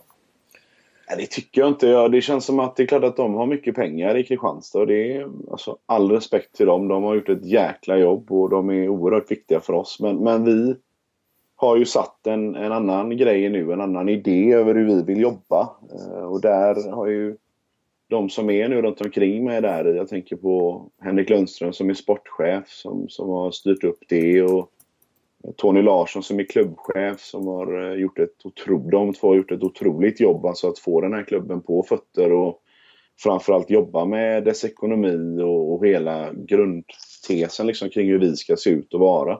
Mm. Ehm, Och sen så är det ju då Carl-Magnus Kjellfeldt då som är ordförande som också har väldigt tydliga visioner och vad vi vill. Och man kan säga att, att de tre, eh, och, och jag var ju också med i klubben på den tiden så vi känner varandra allihopa. Vi har spelat tillsammans i RIK under den perioden. Och ganska unga människor, de är födda 79, 78 där, de tre. Alltså, eh, det känns som att det, de, det finns en, en, en positiv anda i klubben just Mm. nu. Vi kommer inte kunna ha de ekonomiska resurserna som, som Kristianstad har eller som, som andra klubbar har och därför har vi någonstans bestämt att det kommer att vara utbildning det handlar om för våran del. Alltså vi måste bli bäst på att utbilda spelare. Mm. RIK har varit väldigt bra på det en gång i tiden och nu handlar det om att få till det och sätta det igen alltså, så att det blir tydligt för oss. Och det är väl en väldigt stor del av det som jag har jobbat med, med för klubben då. Eh, jag har ju skrivit hela det utbildningssystemet då för klubben. Jag mm. ihop med Sara Sjöström då som är våran fysansvariga där. Och en duktig simning också ju, Sara Sjöström. Ja, ja. precis. Att hon hinner med så mycket alltså, det är otroligt. Eh, ja, eh, nej förlåt. Ja. Eh, så, ja, det, vad sa du? Fysansvarig? Det är ju Reines dotter där också som du, som du kanske har koll på. Eller om du nej. så. Alltså Sara? Nu. Sara Sjöström är, är Reine Pedersens dotter, ja precis. Ja. Alltså den rubriken är ju, det avslöjandet är ju, alltså det är ju, ja, det är ju kul. Fantastiskt. Fantastiskt. Ja. Nej, det, jag avslöjandet, ja. ja. Nej, men, eh, men jag och Sara där kan man säga har, har jobbat jäkligt hårt med det. Eh, alltså hur det ska se ut och hur framtidens RIK ska se ut och hur de unga spelarna ska se ut och vad de ska göra framförallt. Så att, eh, men och det är mycket intressant. Är det Sara som har varit rätt länge? Eller, för att det har funnits en kvinnlig så här, fysansvarig väl i, i RIK rätt länge? Eller är jag... Ja, det är Elisabeth Våg du tänker på där kanske? Ja, det var det nog ja. ja. Som, som var det tidigare. Sara har ju varit med också i ganska långa perioder och har väl varit med hela tiden. Sen har det varit lite mer och mindre. Nu är hon ju med som, som högst ansvarig där kring det. Alltså planering och mm. fysiskt upplägg och sådär. Så att, mm. eh, hon är fantastisk. Alltså, mm. otroligt, otroligt driftig. Alltså precis som som sin farsa tänkte jag säga. Ja, ja. Sådär framåt. Nej men det, det är våran väg. Alltså RIKs väg. Och det tror vi att om vi får grepp på det och får fortsatt jobba med klubbens struktur och vart vi vill och tydliga idéer så, så vill vi vara med. Absolut, mm. det tror vi. Men hur, hur, långt går ner ut? För att RIK under storhetstiden var ju att man plockade egentligen, man hade ju ingen större ungdomsorganisation utan det hade ju Sävehof och har alltid haft. Och så, och så tog man väl spelarna till i junioråldern då, ja precis som du kom. Ja. Eh, och många andra. Hur, hur, ser det ut idag? Är det fortfarande så liksom att RIK ska ta spelarna, ja de här äldre ungdomarna så att säga, när det börjar bli junior? Eller ska man bygga upp en större ungdomsverksamhet också? Eller hur ser det ut? Klubb, klubben har ju idag, eh, den har jobbat i ganska många år nu för att få eh, ungdomslag. Eh, och det har den ju, jag har, tror att RIK har faktiskt ungdomslag i alla åldrar. Mm. På både kill och tjejsidan. Så att, mm. Det har varit mycket snack om det där med, med värvningar och fram och tillbaka. Och vi, det är klart att, att spelare som är intresserade av att bli väldigt bra ska ha RIK som ett alternativ. För det, vi vill bli bäst på det. Mm. Men att samtidigt så är det vi ska också ha en organisation där vi jobbar stenhårt idag med att utbilda våra egna och sätta våran egen, liksom, vårat ramverk och hur vi vill att det ska se ut och ha egna spelare att plocka upp. Så det jobbar vi jättehårt med och det, det, där har klubben lagt väldigt stor kraft. Mm. Mm. Men du, egentligen anledningen till att jag sitter och pratar med dig här och nu idag är, är ju egentligen, förutom att jag var väldigt nyfiken på dig eh, och mycket av det vi har pratat om, är ju faktum att RIK går oerhört bra nu. Eh, nu. När vi bokade den här så hade jag ju kallt räknat med att ni hade två, två, poäng, två färska poäng från gårdagen mot Skövde. Men ni, det var ju tur ni tog en poäng så att det gick att prata med dig idag. Eh, ja, precis. Ja. precis. Eh, men ni är fortfarande trea trots att ni tappade poängen igår. Trea i elitserien och, och jag undrar om RIK har legat så högt så långt in på säsongen sedan eh, man var i SM-final 2004. Det, det, är väl knappt va? Ja, men det var väl några år sedan som, som man kanske var där uppe men samtidigt så är tabellen är ju oerhört jämn. Så att, Absolut. Jag kan ju säga till dig nu, för du lyssnar ju inte, eller rättare sagt har vi inte lagt ut det ännu. Vi har pratat med Kentari igår kväll va. Och Ja, han, nu är han ju skåning, det ska vi inte glömma då Aha. lite grann. Men han tror ju lite grann att eh, ni kommer naturligtvis gå till slutspel, men att ni kommer dala lite och han tror att Lugi kommer att komma lite och var, eh, bli topp fyra. Oj, bra. Eh, ja, faktiskt. eh, vilka var det mer? Och så var det ju... Ja, och Ystad tror han ju då. Ystad tar SM-guld. Ja, precis. precis. Ja. Han tror ju på dubbla guld i, i vår. Ja. Att Frans ska vinna Melodifestivalen och, och, och, och, och att eh, Ystad IF ska vinna SM-guld. Eh, nu ska vi inte prata om Kent-Harry. Eh, han får tillräckligt mycket tid i den här podden ändå. Men Eh, precis som du säger så är det ju väldigt jämnt såklart och det är ett lag som, som eh, kommer att bli nia av, av de där och missa slutspel. Men eh, så det är klart det är fortfarande viktigt att plocka poäng. Eh, och det är väldigt tätt och det kan mycket, hända mycket. Men trots allt så, så jag menar, du är ny tränare. RIK går bättre än på kanske 10-12 år. Mm. Eh, jag är naturligtvis intresserad varför. Ja, men det, det finns eh, ganska många faktorer kan jag tycka. Alltså, vi, eh, jag tycker att RIK har ett bra lag. Det, det, är inget snack om det. Jag tycker att vi har en, en potential som vi är på väg att upptäcka eh, på något sätt. Och, eh, sen har vi lagt om lite. Vi tränar ju lite annorlunda än vi gjort förr om åren. Och, på vilket vis? Och, Ja, men eh, det här med att, att eh, konditionsträningen, vi har på något sätt läst på och tittat och, och, frågat och hur ska det se ut och hur ska vi maximera våran träning och jag tror inte att det här med, med att löpa långa distanser exempelvis är, är handbollen idag. Det ser inte ut så. Det är rent för kroppens sätt, alltså hur man tränar eh, i förhållande till vår sport så, så, är det, så är det inte att föredra. Så att vi, vi springer betydligt mindre. Mm. Vi springer väldigt lite ute faktiskt, men, men vi springer betydligt mer på träningarna. Mm. Det tror jag har gett en, en enorm effekt för oss, eh, för våra spelare. Vem är det ni har eh, tittat på eller pratat med och sådär då? Kan du säga Nej, det? Men det har väl varit eh, Sara som, som dels, alltså vi har ju läst böcker och, och kollat och frågat oss runt med, med folk som jobbar med kondition som, som sin vardag och där, där har vi fått lite input på det. Vi har kommit med idéer och sen så har vi bollat det med dem och sen har vi mm. provat oss fram lite också. Vi vet inte helt sådär korrekt vad som är. Det finns väl inget rätt och fel där heller, men det känns som att man, eh, man tar nya grepp där. Alltså det här är ett nytt tänk och, och nya grejer att, att ta in och det, man får någonstans också vara öppen för att man får prova det innan man vet vad som är bra och dåligt. Men eh, om man tittar på de matcherna som vi har haft så, så har vi en... Ja, majoriteten av dem, där har vi vunnit den sista halvleken eller till och med den sista kvarten då. Mm. Väldigt många sådana matcher. Så, så, så sent som igår va? 20-27 ja. stod det, eller 27-20 till Skövde. Och det blir 29 ja. lika till slut.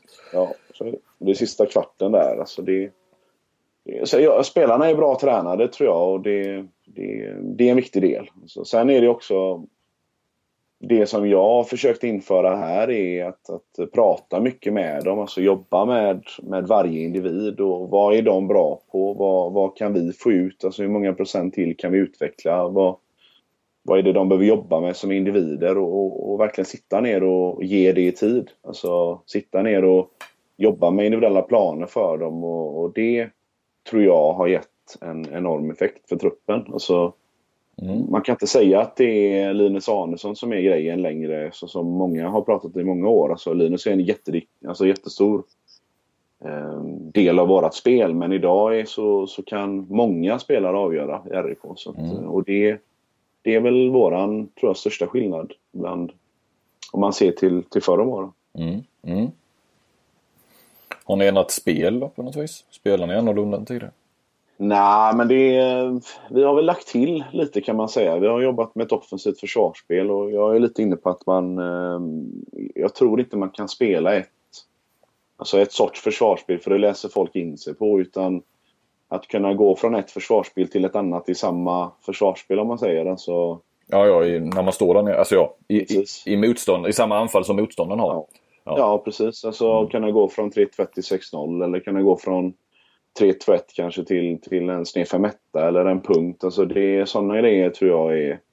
Jag tror att det är eh, framtiden på något sätt. Att kunna störa motståndare för de, de blir för bra på att läsa in sig och titta. För de sitter väl och tittar på oss. Det gör ju mm. vi på dem. Så mm. Eh, det, det ställer, det ställer högre krav på, ja, dels på er, eh, dig som tränare, vilket ni ska välja såklart, men också på spelarna. Att de har huvudet med sig lite.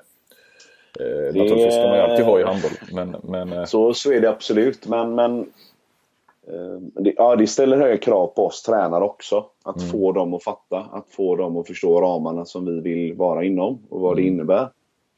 Och det, det är klart att den känslan kan man ju haft ibland, att det går lite upp och ner i perioder. Att man förstår ibland, ibland förstår man lite mindre. Men, men så är det när vi får till fullträffar så, så vet vi vilken nivå vi kan vara på. Sen är det bara en tidsfråga för oss så känner jag att eh, när vi kan få till fullträffar över lite längre tid. Det har hänt under säsongen. Mm. Att, vi, att vi liksom är kompatibla för att ändra och försöka. Och då, mm. då, då blir det väldigt bra. Sen så kommer det att gå upp och ner. Det är, så funkar det. Det är ett nytt sätt att tänka och lite nya individer med, med mycket alltså, rollerna tänker jag på där med, med mycket nya gubbar som, som har fått ta mycket större ansvar än tidigare. Mm. Så, det, det vet vi och det är inget som vi ja, är rädda för utan det är snarare så att det får bli så. Att det, mm. det får gå lite upp och ner. Eh, finns, det något, finns det någon förebild av eh, stora klubbar i, eller landslag för den delen? Är det någon som är mästare på det där att, att kunna byta försvarsspel i samma försvar? Något Nej, det, det, vet jag inte om jag har. Nej, så inget så på rak arm. Nej, inte reflekterat över Du får väl vara första med det kanske. nu, nyskapande. Ja. Ja. ja, exakt. Eh, fler faktorer då? Eh, nej, men det, det finns en struktur tycker jag som, som är tydlig. Alltså, eh, det finns en, en långsiktighet framförallt. Alltså, vi, det är lätt att sitta och titta på en tabell och tycka att ja, nu är det jämnt och det, det, vi måste förändra och hålla på. Det är absolut, det är klart att vi tittar på tabellen och det gör alla andra också. Men vi överger inte det som är det långsiktiga arbetet någonstans utan att man hela tiden har en långsiktig idé. Alltså, är det så att det är vissa grejer som vi ska gå igenom och jobba med för långsiktigheten, då släpper vi inte på det för att, för att komma till en liksom, match extremt sådär förberedda utan då, då jobbar vi lite med det långsiktiga. Så det, mm. det, vi tänker att det här är en grej som är över lite sikt så att det, det, det får vara så i perioder. Mm. Långsiktighet och uppföljning framförallt på, på spelarna och på utvecklingen.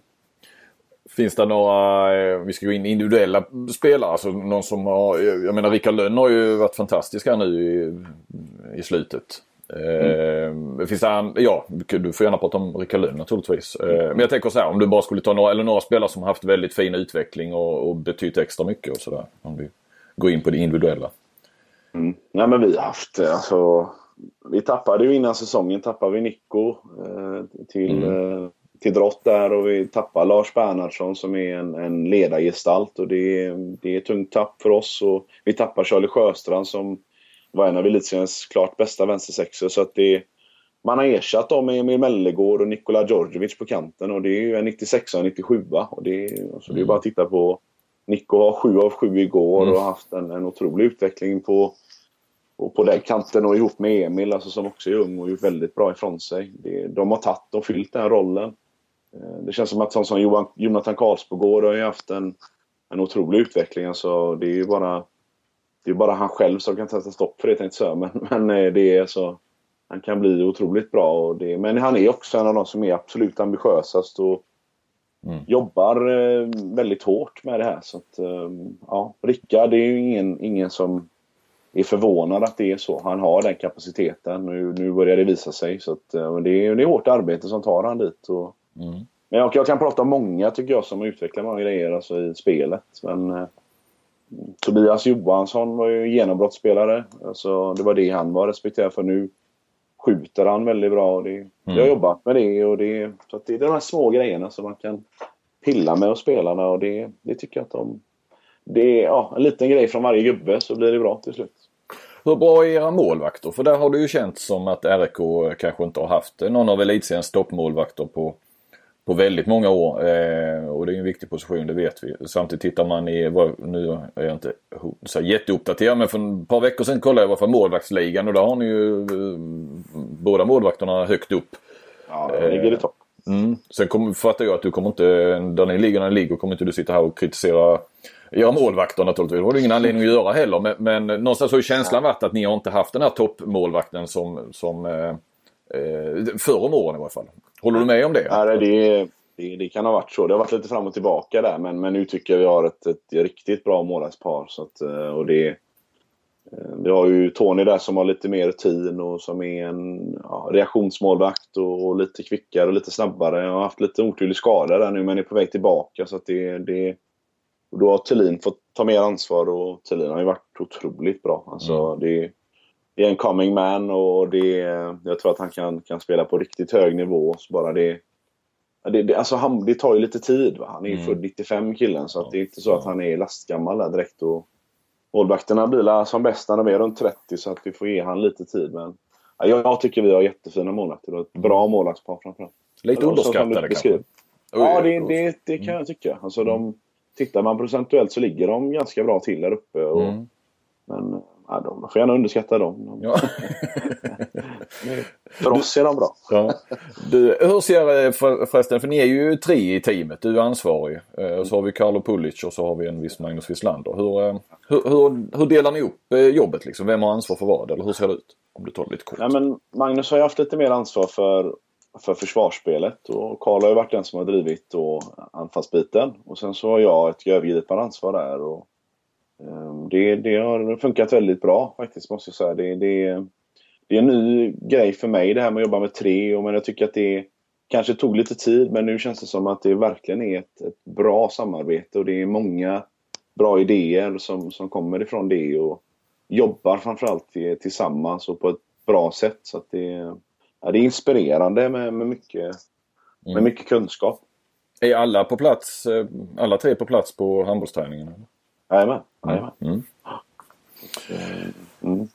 Du var ju inne på det lite med, med Lundström och, eh, och, och gänget liksom som, eh, utanför plan så att säga. Eh, där känns det också nu, utan nu ska jag lägga orden i mun, att där finns väl också en trygghet idag som kanske har saknats i RIK. Eh, den har väl byggts upp de senaste åren men det fanns ju en period när det var väldigt turbulent som antagligen också påverkade sportsliga lite grann och det var mycket, mycket prat om pengar och, och hit och dit. Att, att där finns också en både långsiktighet och lite trygghet kanske som, som underlättar för, för er. Absolut. Det, det, de, de ska ha jättestor cred och de förtjänar det. De, de förtjänar verkligen eh, eh, all positiv liksom, Mm. feedback som de får. För de är väldigt bra på det de gör och det har skapat också. Det är klart att vi kan prata om det sportsliga och, och att det har gått bra men det är inget snack om att hade, hade det varit kaos eh, där på den avdelningen så, så tror jag att det hade påverkat klubben oerhört mycket. Framförallt sportsligt då. Så att, eh, men, men de Alltså, och det är återigen där, det är, det är, vi gör ingenting nu längre i den här klubben som, som jag känner att det är, som är kortsiktigt. Utan nu är det på lång sikt. Vi jobbar med en ordentlig plan och jobbar med att det ska vara ordning och reda. Och vi, vi tänker inte leva över våra tillgångar utan vi jobbar med det som vi har och försöker vara ordentliga där. Och det, där är Henke och Tony förbaskat bra. Så de är, de är riktigt bra. Mm. Sen ska ni bli bäst på att utbilda spelare men när ni har utbildat dem och de är duktiga så eh, kommer Kristianstad och köper dem. Ja, det är, så är det ibland. Men eh, vi har väl en ambition att de ska spela utlandet. Eh, det, Mm. det är vad vi ska utbilda dem till. Så att, eh, då får vi bli lite bättre helt enkelt på, Ja. på att utbilda dem. Så att de tar det steget istället. Ta det steget direkt så att säga. Ja. Ja. Det här är väl ingen gurkburk? Eller? Du nämnde ju Djordjevic och eh, eh, programmet, tv-programmet Avkast eh, körde hade ju en, en rejäl dos eh, om integration igår. Mm. Eh, det var onsdag igår ja. Efter matchen där så, så snackade de om, om eh, hur dåligt svensk handboll har varit på, på, eller är på integration. Och jag var inne på det och skrev en, en tycka om det eh, mitt under VM i, i fjol för drygt ett år sedan också. Det var ungefär samma, lite samma tankar där som, som de också var inne på. Jämförde med fotbollen där, där eh, halva startelvan har eh, utländska rötter medan vi eh, jag tror, jag gjorde en eh, ja, snabb eh, uträkning men jag tror att den stämmer att vi har fyra, haft, under de senaste 25 åren i landslaget så har vi haft fyra med Balkanrötter. Det är Vranjes, det är Brajkovic, Roberto Brajkovic han spelar inte många landskamper. Och det är Dodor naturligtvis och sen är det Blisnak också som varit inne och gjort några landskamper. Det är väl egentligen bara Vranjes och Dodor som, det är bara de som har gjort mästerskap. Eh, som sagt, vi har ungefär lika många med Balkanrötter i, i fotbollens landslagets startelva varje gång numera. Nästan. Eh, Balkans bollunder. Exakt. eh, för jag vill också skilja lite just att jag är inne på, på Balkan där. Det handlar inte om att jag eh, gillar Balkan, handbollen och, och bollundret. Utan det är ju också därifrån, där finns det ju en handbollskultur. Att vi inte har, eh, eh, vad ska man säga, somalier eller de från Afghanistan eller Syrien som, eh, att vi inte har fått fram några sådana, eh, sådana, nu lät ju väldigt eh, överslätande på något vis. Men, men den typen av eh, invandrare eller andra generations invandrare i handbollen är inte så konstigt utan det, där finns det ju ingen handbollskultur och det, det är precis som med hockey. Det finns också få invandrarungdomar för att det, det har man ju inte med sig.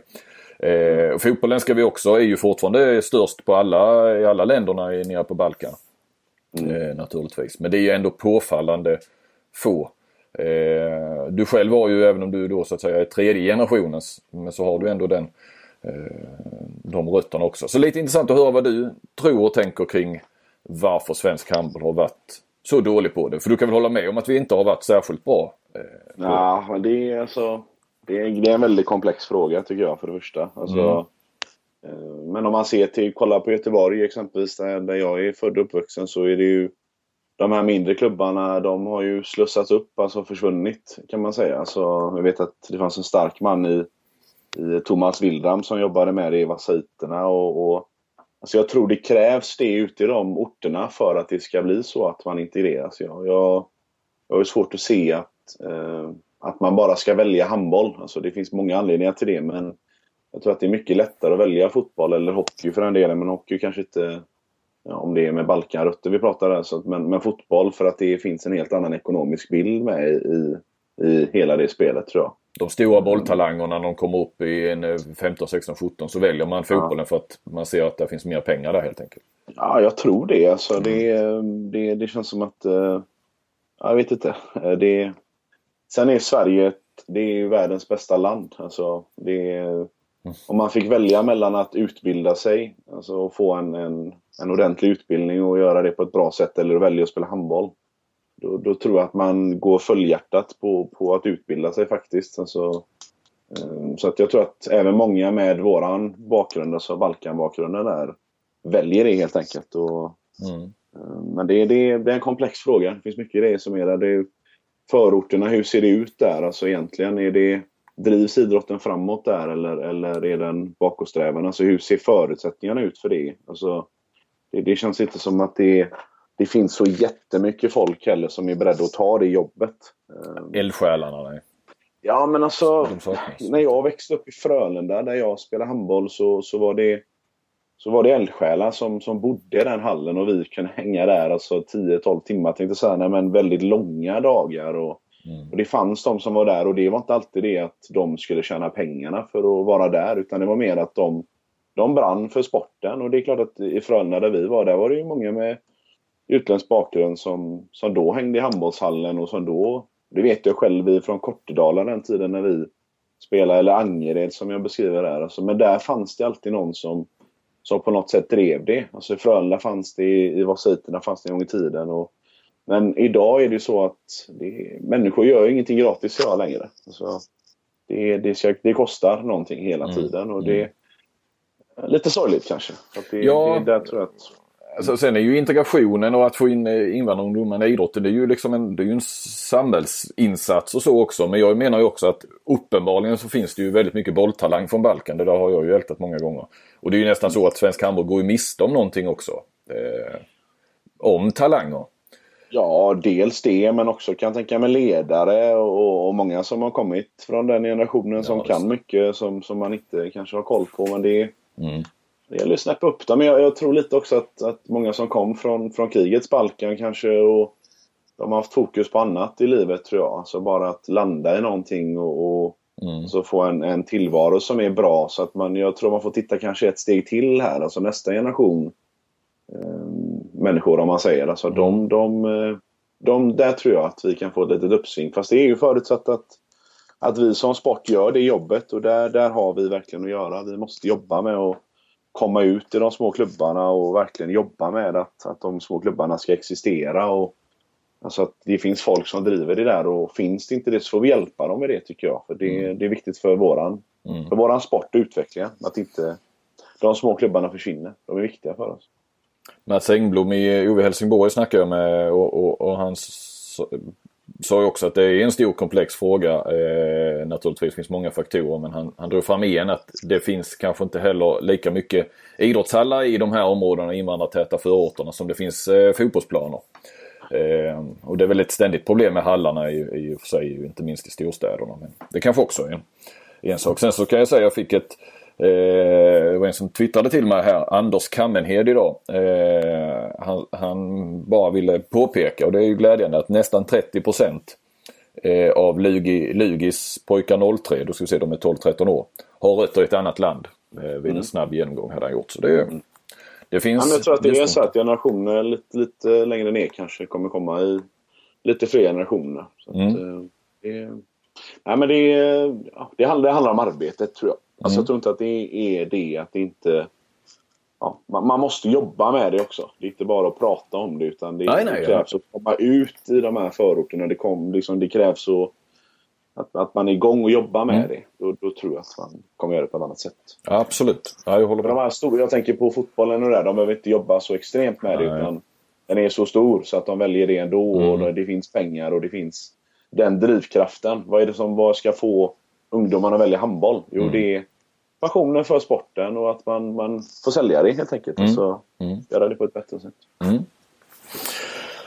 Du Jasmin, i, i, i många år har du väldigt starka åsikter om det mesta i svensk handboll. Eh, inte minst vi som följer dig på Twitter. Eh, du, du kunde till exempel kritisera Ola Lindgren ganska hårt eh, när han var, eh, ja så sent som nu när han var tränare i Kristianstad. Eh, du har taggat ner där en hel del. Eh, du är inte alls på samma... Har du blivit en del av etablissemanget nu då eller? Nej, men jag har blivit gammal och vis tror jag. Ja. Så, ja, jag fattar det att, att jag hade inte kunskap om allt och behövde inte tycka om allt och sådär. Så att, eh, nej, men det är klart att jag har haft, haft åsikter och det, det kan man ju ha. Eh, men är det svårare att ha det när man, ja, du kanske inte får ha det för RIK heller. Du ska hålla lite på mattan när du är han är sträng han Lundström där. Ja. skulle ha med honom att göra. Spänner han blicken i så blir man rädd. Så att, nej, men det är, det är klart att, att uh, jag är i en position där jag uh, får tänka mig för. Mm. Alltså, så är det ju. Mm. Men, men, samtidigt så är det väl också så att uh, um, åsikter ska man ha men det får också vara med någon sorts grund. Man kan inte bara tycka. så det, det finns det folk på på Twitter som, som kan ta den platsen på ett alldeles utmärkt sätt. det är det många som gör, eller försöker göra. absolut. Det, det, ja, den... Sen ja, Ola, ja absolut. Men hans resultat där, de talar för sig själva. Så att de har haft en otrolig utveckling på, på det. Så att, de är bra. Vad har du för relation till honom nu då? Då har du träffat på honom några gånger. Ja, han var rätt stel där tycker jag på, på presskonferensen i Kristianstad. Men han är säkert en god gubbe annars, vid sidan av. Men det, jag tänkte ändå testa dig med några frågor och se om du har eh, låt säga, i varje fall eh, några svar och några åsikter i dig. Mm. Eh, vem vill du se som nästa förbundskapten? För de, de eh, Staffan Ola, ja det tror jag vi kan slå fast. De slutar allra senast efter OS. Om det blir. Ja, det, de, de ska vara... Alltså, det finns två namn för mig. Jag vet inte huruvida det är möjligt. Men, men... Reine och Ola. Ja, det, ja, de kan alltid ta det. Men, frågan är om de har lust bara. De, de, eh, ja, vi kan jag, jag tycker Magnus Andersson där i Göppingen är mm. otroligt. Alltså, kan ju handboll på ett extremt bra sätt och, och har allting som, som man behöver för att vara förbundskapten. Och, och sen är det ju Jobbo alltså mm. i Flensburg. Det är ju ett det är en enorm drivkraft, alltså viljan att lyckas. Så han skulle väl ta något OS-guld där också sa han. Så att, eh, mm. Vi vill mm. bara fan hoppa på helt enkelt. Så det är de två. Tycker ja, jag. Ja, jag, jag håller med dig. Mm. Nästa fråga. Ska man försöka övertala Kim Andersson att spela OS-kval? Eh, och, då, och eh, ett eventuellt OS om det skulle bli så? Ja, det tycker jag. Alltså, om det nu är så att han känner att han är frisk. Mm. Och att han eh, att han är motiverad att göra det. Så då, då är det en kapacitet som, som Sverige ska använda. Alltså, han gjorde sju, av sju igår ja. Ja, han var ju...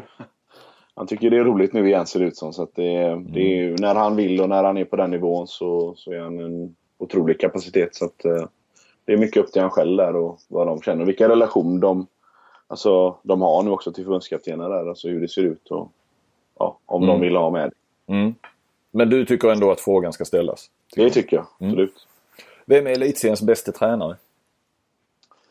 Och nu får du inte svara, ja men jag är inte på alla träningar så jag vet inte hur då. Utan... Jag får inte svara mig själv heller. jo då, det får du gärna göra. en bra rubrik till. Nej, nej, men jag, jag, eh, jag tycker Christian Andersson är, är någon som jag har oerhörd respekt för och som har gjort ett jäkla jobb med Guif. Och inte bara, alltså nu är det klart att de ligger lite längre ner nu i år men över tid. Alltså haft många unga spelare och utbildat dem och kommit ut på proffsmarknaden. Och, så att, um, är taktiskt kunnig och är bra så att han, han håller jag högt. Mm. Eh, det ska bli intressant att se vad han eh, tar vägen nu. Ja. Kanske, ja. Han gillar Göteborg, så han kanske ska komma ner hit, hänga med oss lite, se vad han... hänga med, hänga med ja.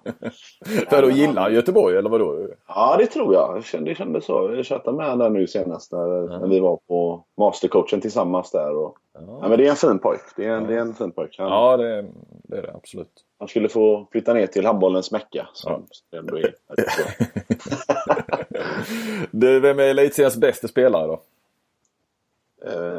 Nej, men jag har tränat Linus Arnesson nu i åtta månader eller nio tror jag det är. Mm. Jag hade väl sett han innan också sådär men det är otrolig kapacitet. Alltså, jag, jag säger att, att han, han är den jag skulle välja alla dagar i veckan faktiskt bland mm. alla spelare som jag har sett. Så att, uh, har framförallt också jag vet att många pratar om honom som en bra handbollsspelare men har vuxit oerhört som människa i mina ögon. Alltså mm. Som ledare alltså mm. för RIK det tycker jag är det häftigaste när, när de tar de stegen som verkligen utvecklar sig. Och det är för mig ofattbart att han inte har fått chansen i, i en bruttotrupp. Alltså få vara med och träna lite och se hur det känns. Alltså att de inte ens har provat det. Det, det tycker jag tycker han borde få den chansen. Alltså, mm. Mm. Så bra över så lång tid. Vad, vad ska han göra mer känns det som. Och han blir väl kvar ett tag va?